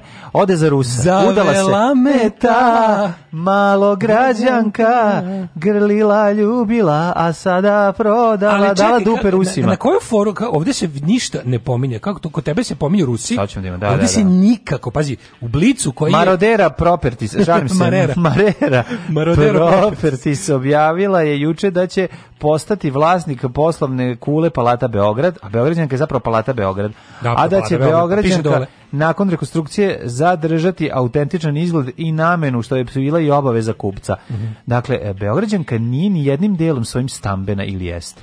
Nije stambena. Znači, svuda je poslovna zgrada, da. je li tako? Jeste. Znači, nema šanse da je neko unutra kao otvorio prodar, ja recimo, teo da kao svoje krov, prostorije onaj... studija, da, a da unutra nije. zapravo napravio WC ide da živicu. Ne, ne, postoji, od, svi, ništa unutra nije u vlasništvu. Vlasništvo je zgrada, bila je državna, mm -hmm. svi unutra su iznemljivali prostorije. I nastavljaju da iznemljivaju. I taj će nastavljati da iznemljivaju samo od privatnika, naravno, pretvaranje. Aha. Čuveni, kako bih rekao, čuveni, najvažni svetinja, ono, prime directive da. srpske ekonomije. Znam što je prvo i osnovno, znači, je, pa, u ruke privatnika. Cena, Gura i sve u ruke privatnika. Siguran sam da će prvo spustiti cenu cenu zakupa, je tako? Da, moguće. Mislim, da je prva najgore, stvar. Ja ne znam nijedno... Obično to kad privatnik kupi, prvo što uradi. Pa da, pazi e, šta je tu interesantno. Pazi, uh, uh, kod tebe se pominje ruski vlasnik u mhm. Blicu, koji je inače on otprilike manje više zadužen za istragu Rusica. Ovaj, on, naš, Blic drži tu kao jel nemačko glasilo Ej. lojalno Aleksandru Vučiću drži tu ono kao antirusku da, stranu. Da, da, da. I sad mi čudi Ej. Šta, ali ovo... Marera Properties je zapravo ovaj, poslala Ajde. svoju čerku firmu da to uradi. Čerka, čerka se zove MPP. Se, MPP New, tako piše. New Project. MPP New. MPP New Project. MPP New. I kada uradiš malo, kad gledaš šta se tu dešava, MPP New Project je osnovan pre manje od mesec dana. Mm -hmm. A kada radiš nekakve cross reference sa ljudima koji se tu pominju kao nekakvi... Ono, Fond sa Kipra, iz koje je u vlasništvu Rusa, Os, pa, i na kraju sa Pasošem Malte, Vladimira Zubrilina, znači, čija firma ti, u Rusiji treba ti otvorena četiri taba u browseru da bi nešto da, bi video da je Siniša Malik da. iza toga. Znači, treba ti bukvalno četiri otvorena taba da bi video mm -hmm. ko su ti ljudi, gde se nalaze, u kojim firmama su radili, ko je tačno bio šta u, i u administraciji. Siniša the Little. Rus. Da, čuveni, da, Siniša mal, Mali. Mali. Mali. Uh, ova firma ujedno bila i jedina zainteresovana, verovatno, mm -hmm. baš mhm. kao i za Sava centar koji čak nije ni prodat. Ove, e, također kompanija se obavezala dodatnu investiciju u vrednosti od 8 miliona evra, prodali, kupili su je za 16. Mm -hmm. Sve stala, ne znam, otprilike Ovaj koja je upotrebna vrednost Beograđanke trenutno u ovakvom gradu, u pa ovakvoj pa, ekonomiji? ne znam, znaš, ako znaš, se istovremeno uzme i zgrada Brena u, u Užicu i ako se istovremeno i uzme najviša kula u, u, u, u Subotici, mislim da se zajedno može stvoriti jedan um, ja ne znam da li to svemirski program. Ne, mogu ti kažem da mogu se koristiti kao tornjevi za male 8, avione. 8 miliona evra. Ja ne znam da li ne. Da. oni to mogu da urade. Da. Jedini sad ja nešto Kako se inkasi, znate da sam ja, Ajde smo mi da kapitalista. pa da, vi znate da sam ja izuzetan kapitalista. No, Čovjek sa izuzetnim talentom za biznis. 24 miliona smo uložili. evo imamo 16, 16, 16 smo imamo i našim Dobro, rukama. Sad znajući ajde možda grešim, ali ako ne računamo ono se nalazi tamo u podrumu i ono ono da je gde je E, znači ovo što je baš na, ovim niskim spratom ili prizemlje ili podrumu gde je ona ideja velika i ono znači. Dobro, lupam. Kupio si, to su, to su dobri zakupci. kuću koja u dvorištu ne, ne, ne, ima konkretno pričam. 16 tona metalnog otpada, to nije, ćeš prodati. Nije, nije tako, lupam. nego, šta ovde, nego ti govorim baš ima konkretno. Ovde, ima ovde nešto unutra što vredi. Ovo je slučaj zato što Jel imaš... ima ovde nešto unutra što vredi. Evo šta bi ja, Ajde, šta bi ja, da li oni to smeju da urade i, i šta, šta jedino ima smisla. Mm -hmm. Uh, oni u, u, imaju, znači te dobre zakupci imaju podrumu ideju, imaju možda tu na, na ovom prizemlju, jel imaju tu još neki. Ovo gore, ja znam, koliko pa, se ja sećam. Da njima nakup, zakup pa ne, milion dolara mesečno. se ja sećam, tu je na tih, ono, koliko im spratova, je, su uglavnom neke male firme koje tako postoje u toj nekoj srpskoj, ono, polu sivoj ekonomiji, Studio B koji se tu nalazi. Mm -hmm Ja jedini jako način sivo ekonomije. Da, ja mislim kao glasilo je istog režima koji da, je da. koji je privatizovao tu. Ja ne vidim ni jedan način da to isplati kupcu osim da to pretvori u stambeni objekat da ne izgradi stanove za tih 8 miliona evra i da ih proda. I, I to, to, to budu stvarno. to se ne isplati. To se isplati, to bi Kako bili Japijevski stan, ja bi ga Japijevski stan u centru grada. Pa to je jedino tako. Da. Jedino tako. No, da. Stvarno ne vidim no. Da. ko bi, mislim nikom ne treba prostor u Beograđanki. Tu, tu pol, ima, ima puno praznog da. prostora no. i kad pogledaš, kažem kad pogledaš otprilike nekakav presek firme koje tu stoluju. Ajde, to su stvarno sve neke, kvadrata. To su sve neke agencije perspektiva otprilike. Stani da vidimo, ovaj koliko je kvadrata i koliko mo, kada bi renovirali Ista firma prati... je kupila i Pobedin kompleks u Petrovaradinu. Ja mislim da je to ovaj To će se gradi nešto za Pobedin kompleks u Petrovaradinu, tu će biti ono naselje, tu će da nikne naselje. Da, oni su kupili ono... kvadratni metar za manje od da. 1000 evra. A mogu da naprave te ono ekskluzivne Beograd. Dva i po soma da Beograd na, vod, na vodolike. Beograd, ono, Beograđanka pa te na Japijevske stanove vidi u Beogradu. Beograđanka se, na suvom. U, Be, u Beogradu se trenutno gradi četiri ta neka ono za jako bogate ljude naselja. Pored ovaj uključujući Beograd na vodi imaš one neke oni ken apartmani, ova apartmani, sve su kao te neke po uzoru na na bogataške ono te ono ja bih ga rich white ghettos mm -hmm. samo mhm. samo u visinu. Mm -hmm. Samo u visinu, znači te nekakve ono zgrade za, u kojima će biti luksuzni stanovi gde kvadrat 3000, 2,5-3. Tako da ja stvarno ne, mislim, ja ne znam da li po zakonu dužan da, to, da, toga, da, toga, da zadržava, da li može da promeni namenu?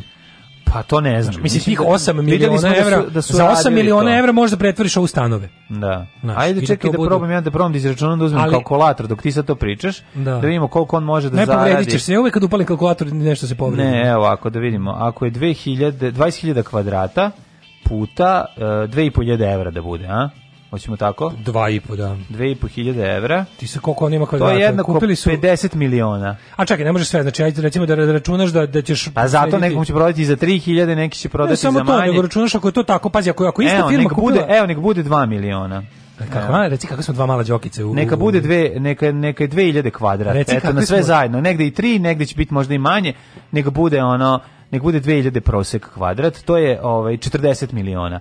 Da. 40 miliona evra, onda je da. jasno. Si ovaj, dobar, Da, onda će tu zaraditi. A uložio si 24. Kako smo carevi, sad smo končno, mali smo kapitalisti. Izračunali smo. Ja se kladim da neko ko je in the know nama sad umire od smeha. Pa ali, pa, ali mi smo, mi smo pokušali. Pa bar smo ali mi smo pa pokušali. A dobro mi se kao, znaš, kao jako je teško meni. Ovaj. Prodato je za 850 kvadrata, pa ne računamo ako je toliko kvadrata, ako je 16 miliona. 19.000 kvadrata je koštalo 16 miliona evra, dakle ispade to. I da on uloži još ovaj, 8, čekaj, smo rekli. Pazi, ista firma je kupila Pobedin kompleks u Petrodinu. Oni su, tu, tamo će tu, da budu luksuzni stanovi. Tu će izgrade, to je, to je, dobro, to je jako dobra lokacija. To je jako dobra lokacija, ali da. to je sve to kao što su, to ista to je isti, isto kao da kažem, ne znam da li ista firma. I, da, mislim, no, mislim, ja na kraju imam utisak, ne znam, pričali su mi ljudi koji se zaista razumeju u, da kažem, urbanističku Gde ti scenu te Novog Sada. Gde ti srećeš te Čudni ljudi. su putevi, gospodnji, ovaj, kako se zavali. Pričaj, znaš, kao bukvalno, da kad ti kažu ljudi, vidi, vi nemate pojma koliko mi koliko je, koja, je, ve, koja je čvrsta i direktna veza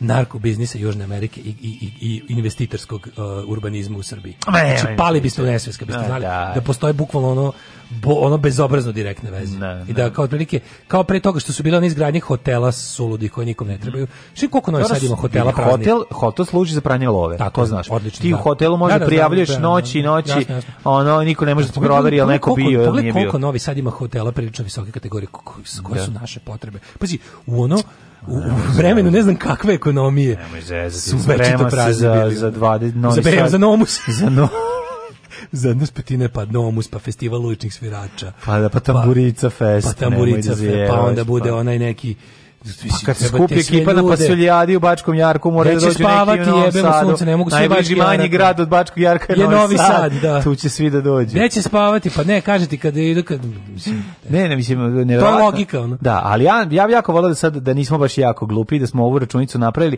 da neko kaže, kakva ste dva kontraverzna biznismena. Kaže, kakve ste vi duše, pa kvadrat u Beograđanki neće biti ispod 4000. Pa dobro, onda dobro, mi, mi čak i sa svojim luzerskim, da. ovaj, kako kažem, pristupom smo, da. smo dobri. Mislim, dobru računicu imamo tako je, tako u našem izmišljenom preduzeću. Neka bude 4000, eto onda još može... Mladine, evo ruke osnivamo firmu, jebeš ovo što radimo. Bravo, bravo, carevi smo najgore. Ako budemo uspješni... Zaradili smo prvih 20 fikti, fiktivnih miliona. To je najteže. To je na prvih 20 miliona je najteže. A i za prvi fiktivni milion se ne pita ne odakle. Pita, tako, da ako budemo uspješni kao u ovom našem poslu, pa mislim, podrume granice. Pa ne ulazite bre u Evropu, nego u autobus polako. Alarm sa mlađom i Daškom.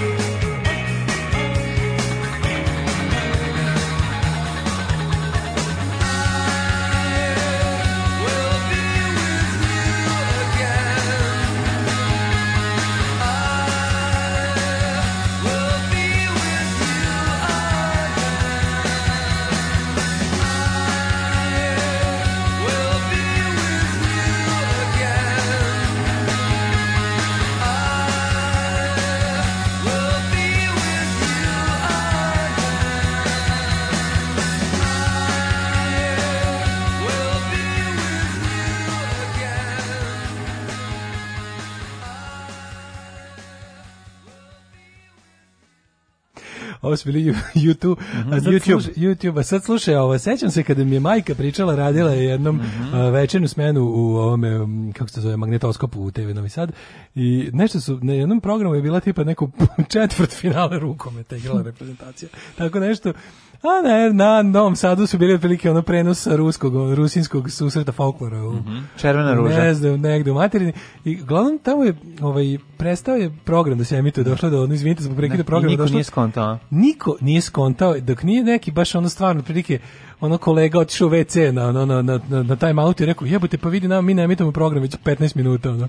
Niko nije zvao, niko, da. niko nije zvao od gledalaca, niko nije zvao od televiziju, kaže, ništa, stoji samo prekid, ono, bez da piše izvinite zbog prekida programa. Da. E tako se ja osjećam s našom rubrikom krvaranje iz ušiju koju niko nije primetio da smo zaboravili da napravili. A porno lalu ste primetili.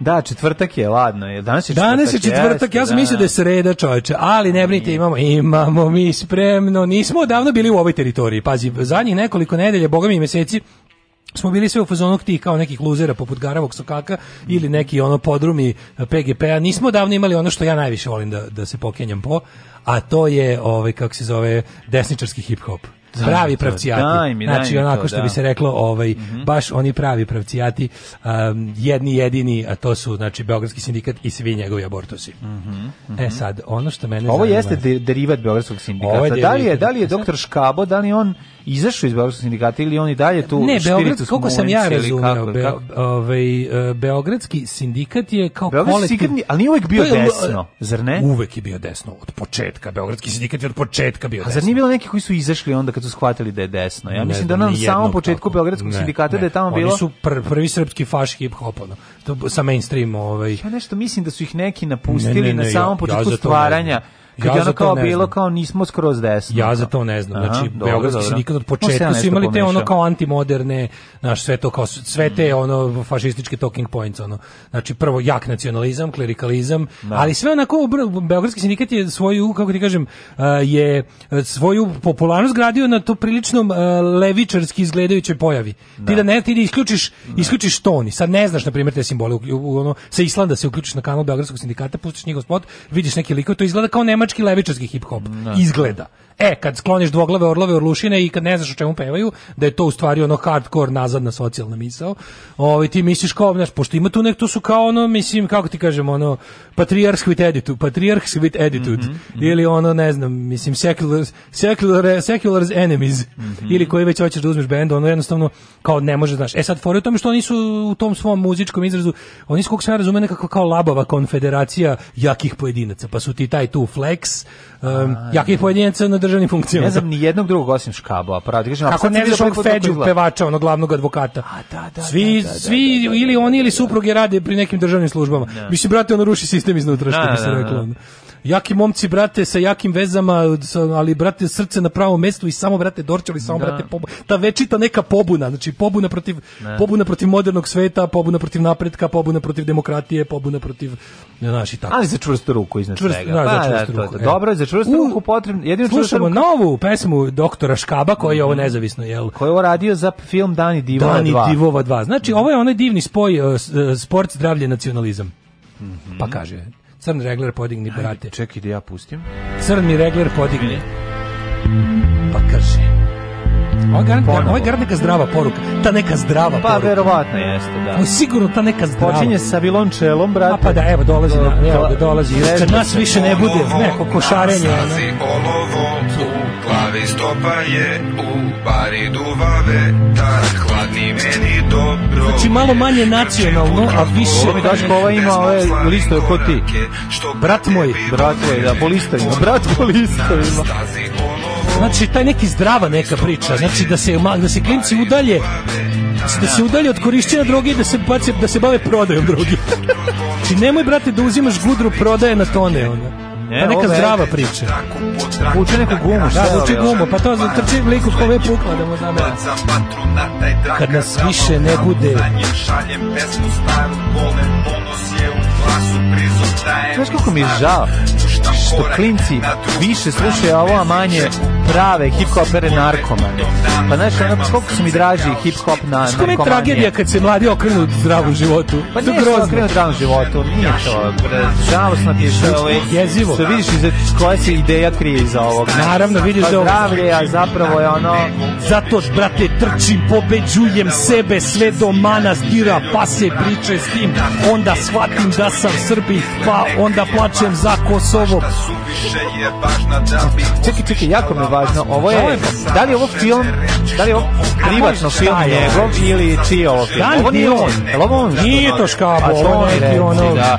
To je čovek, bre, to je film o tom čoveku, da se verovatno. Kažem ti, neka ta zdrava neka priča, koja kad razgrneš malo jebi ga, ono, skine majicu, ono kolovrat uvek. Nije bre, ovo ovaj je neki ljudi koji, koji, ovo ovaj je neki sport. Um, sport, zdravi nacionalizam. Da, ali ovo je neki neki znači, posebno Kako baš sportista slučajno nosi ovu majicu? Kako je obuku ono? Ne nosi svi. A ovaj konkretno nosi, pa zato se zato, pa jebote, zato su se i našli. Naravno. Da je uzeo lika koji nosi umbro majicu, jebi ga ne bi bio sporta. Ti nosi majicu umro. Da. Kad bi se popeo ne gore, bilo bi umro. A ja bi umro majicu. Tako da zašto vuku gume? Zašto vuku ove Zato što se tako ne postaje peder, brate. Sad neki zdrava neka priča, znaš. Znaš, zato ako neko priđe te naguzi za zapne u tu gumu. Kažeš imam gumu da me brani. Gumu nazad da te brani, da. Pa da mislim. Ali ovo baš, da. evo, viš, mora malo i taj, vidiš, mora da bude taj malo da se vlasi ne dosete. Ne može samo ta otvorena ono, seo sam u baru, bolje da. neko na karu. Ne, ovo je neki triatlon, šta je ovo objasniti? A neko snaga to ranje, ono je. Vidiš da ima i tučeš i penješ se na planinu i ukradeš bicikl, šta je ovo? Spreman si za, za dogodine u Prizrenu. Ne znam za čega znaš, spreman. Znaš šta je fora? To služi da kad ja sad kažem ovo je ono fucking brown, a što oni kažu ti u svemu vidiš fašizam. E to zato služi. To zato služi da ja ispadnem ono kao paranoji kad kažem ljudi zna se na koju ovo stranu vuče. Zna se, ono kad dođeš da treniraš ovo šta će ti ideološki sipati u glavu. Nemoj da spraviš blesavo, ono razumeš. Što baš nose te maš obično nosi baš te otačbinačke majice. Možemo naravno da se pravimo blesavi, da država podrži to, brate, zdravo, da mladi se, brate, bavi sportom. Znaš, taj neki, znaš, brate, ne bi izdržao da nisam imao krsto tisovine. Razumeš, da, da, trčim, trčim, a trčim ka manastiru. Dobro, ove, ali ovo sa ovom gumom, ove, koja otežava. To je guma, to je gol, guma Golgote. I penju se ljudi negde. Jedna druga stvar, mene ovde zanima. Da. Koji je sport ovo? To je sport, neki sport izdržljivosti. Ja bih ga neko... Nije alpinizam, to je neko, neki sport izdržljivosti, verovatno. Da kažem, to je sve neko ono, da. ono, jebi ga, izdržavanje. Ono. Jeste, jeste, jeste. Da. Pa dobro, no. Nemoj mi, kako ti kažem, mislim, život je patnja. Da, kad je da, nema napravi. Da, da. kad je nema napravi, viš, viš kao stao je. Jer kad nas ne bude više, to je na... Da. Ove, moram ti reći da je, pa da, da, da, da, koliko je, džan, koliko je narkomanski hip-hop bolji. Naravno, znači, brate, meri. slušali ona džanki Daj mi prti BG, ono da čujem kako, ona se prepakuje. Kako sam u ženu u bulju, krvnički. To je smešno. Ali, brate, viš ta neka zdrava priča, više mladi zdravo, da, sport, da. zdravlje, nacionalizam, pravostavlje, antiabortus, uzimanje muževa. sokolski dom. Pa, teški sokolizam, tako je, teški sokolizam, znači ta neka zdrava priča, to znači uzimanje muževljevog prezimena, znači ne abortusu, znači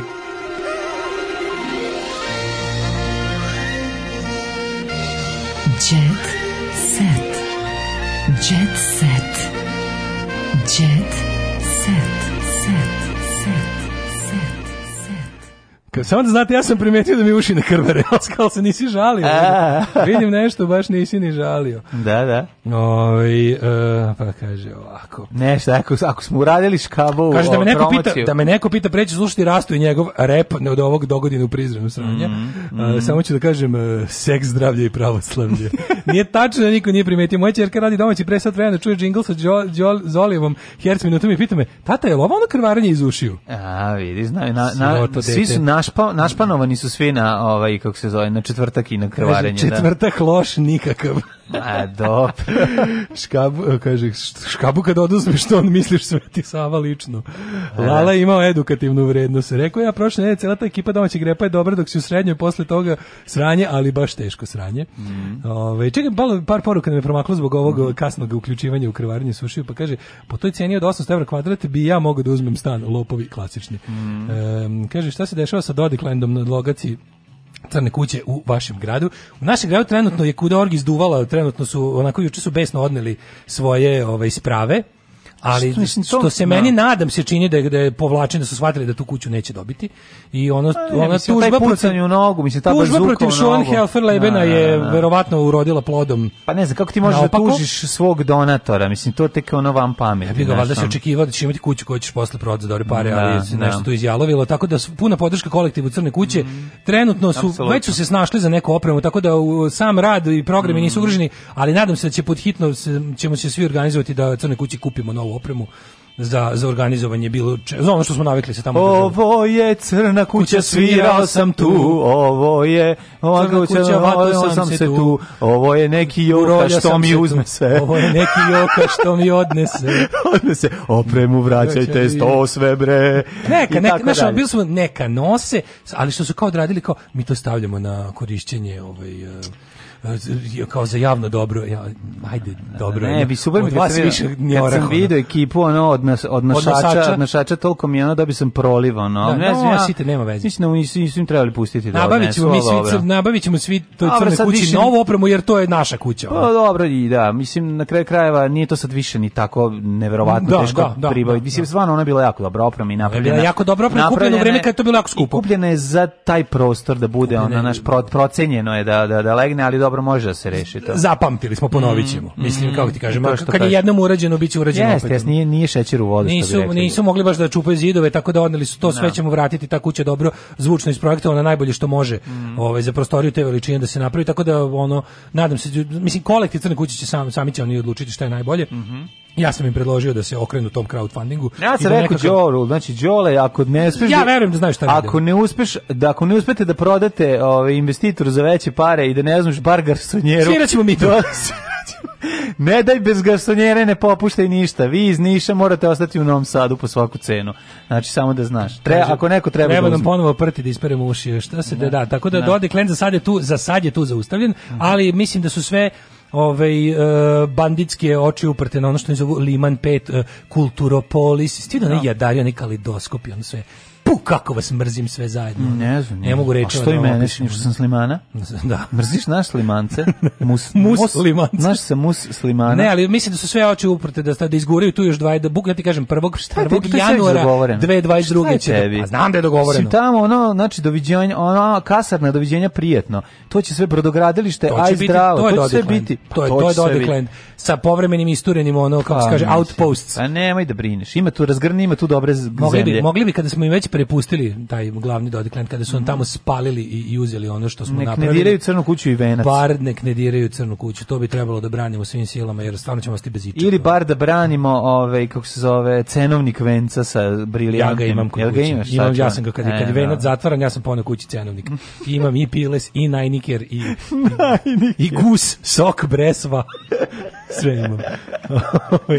Nova investicija, Brena kupuje vilu u Opatiji. Da vidimo šta kupuje Brena.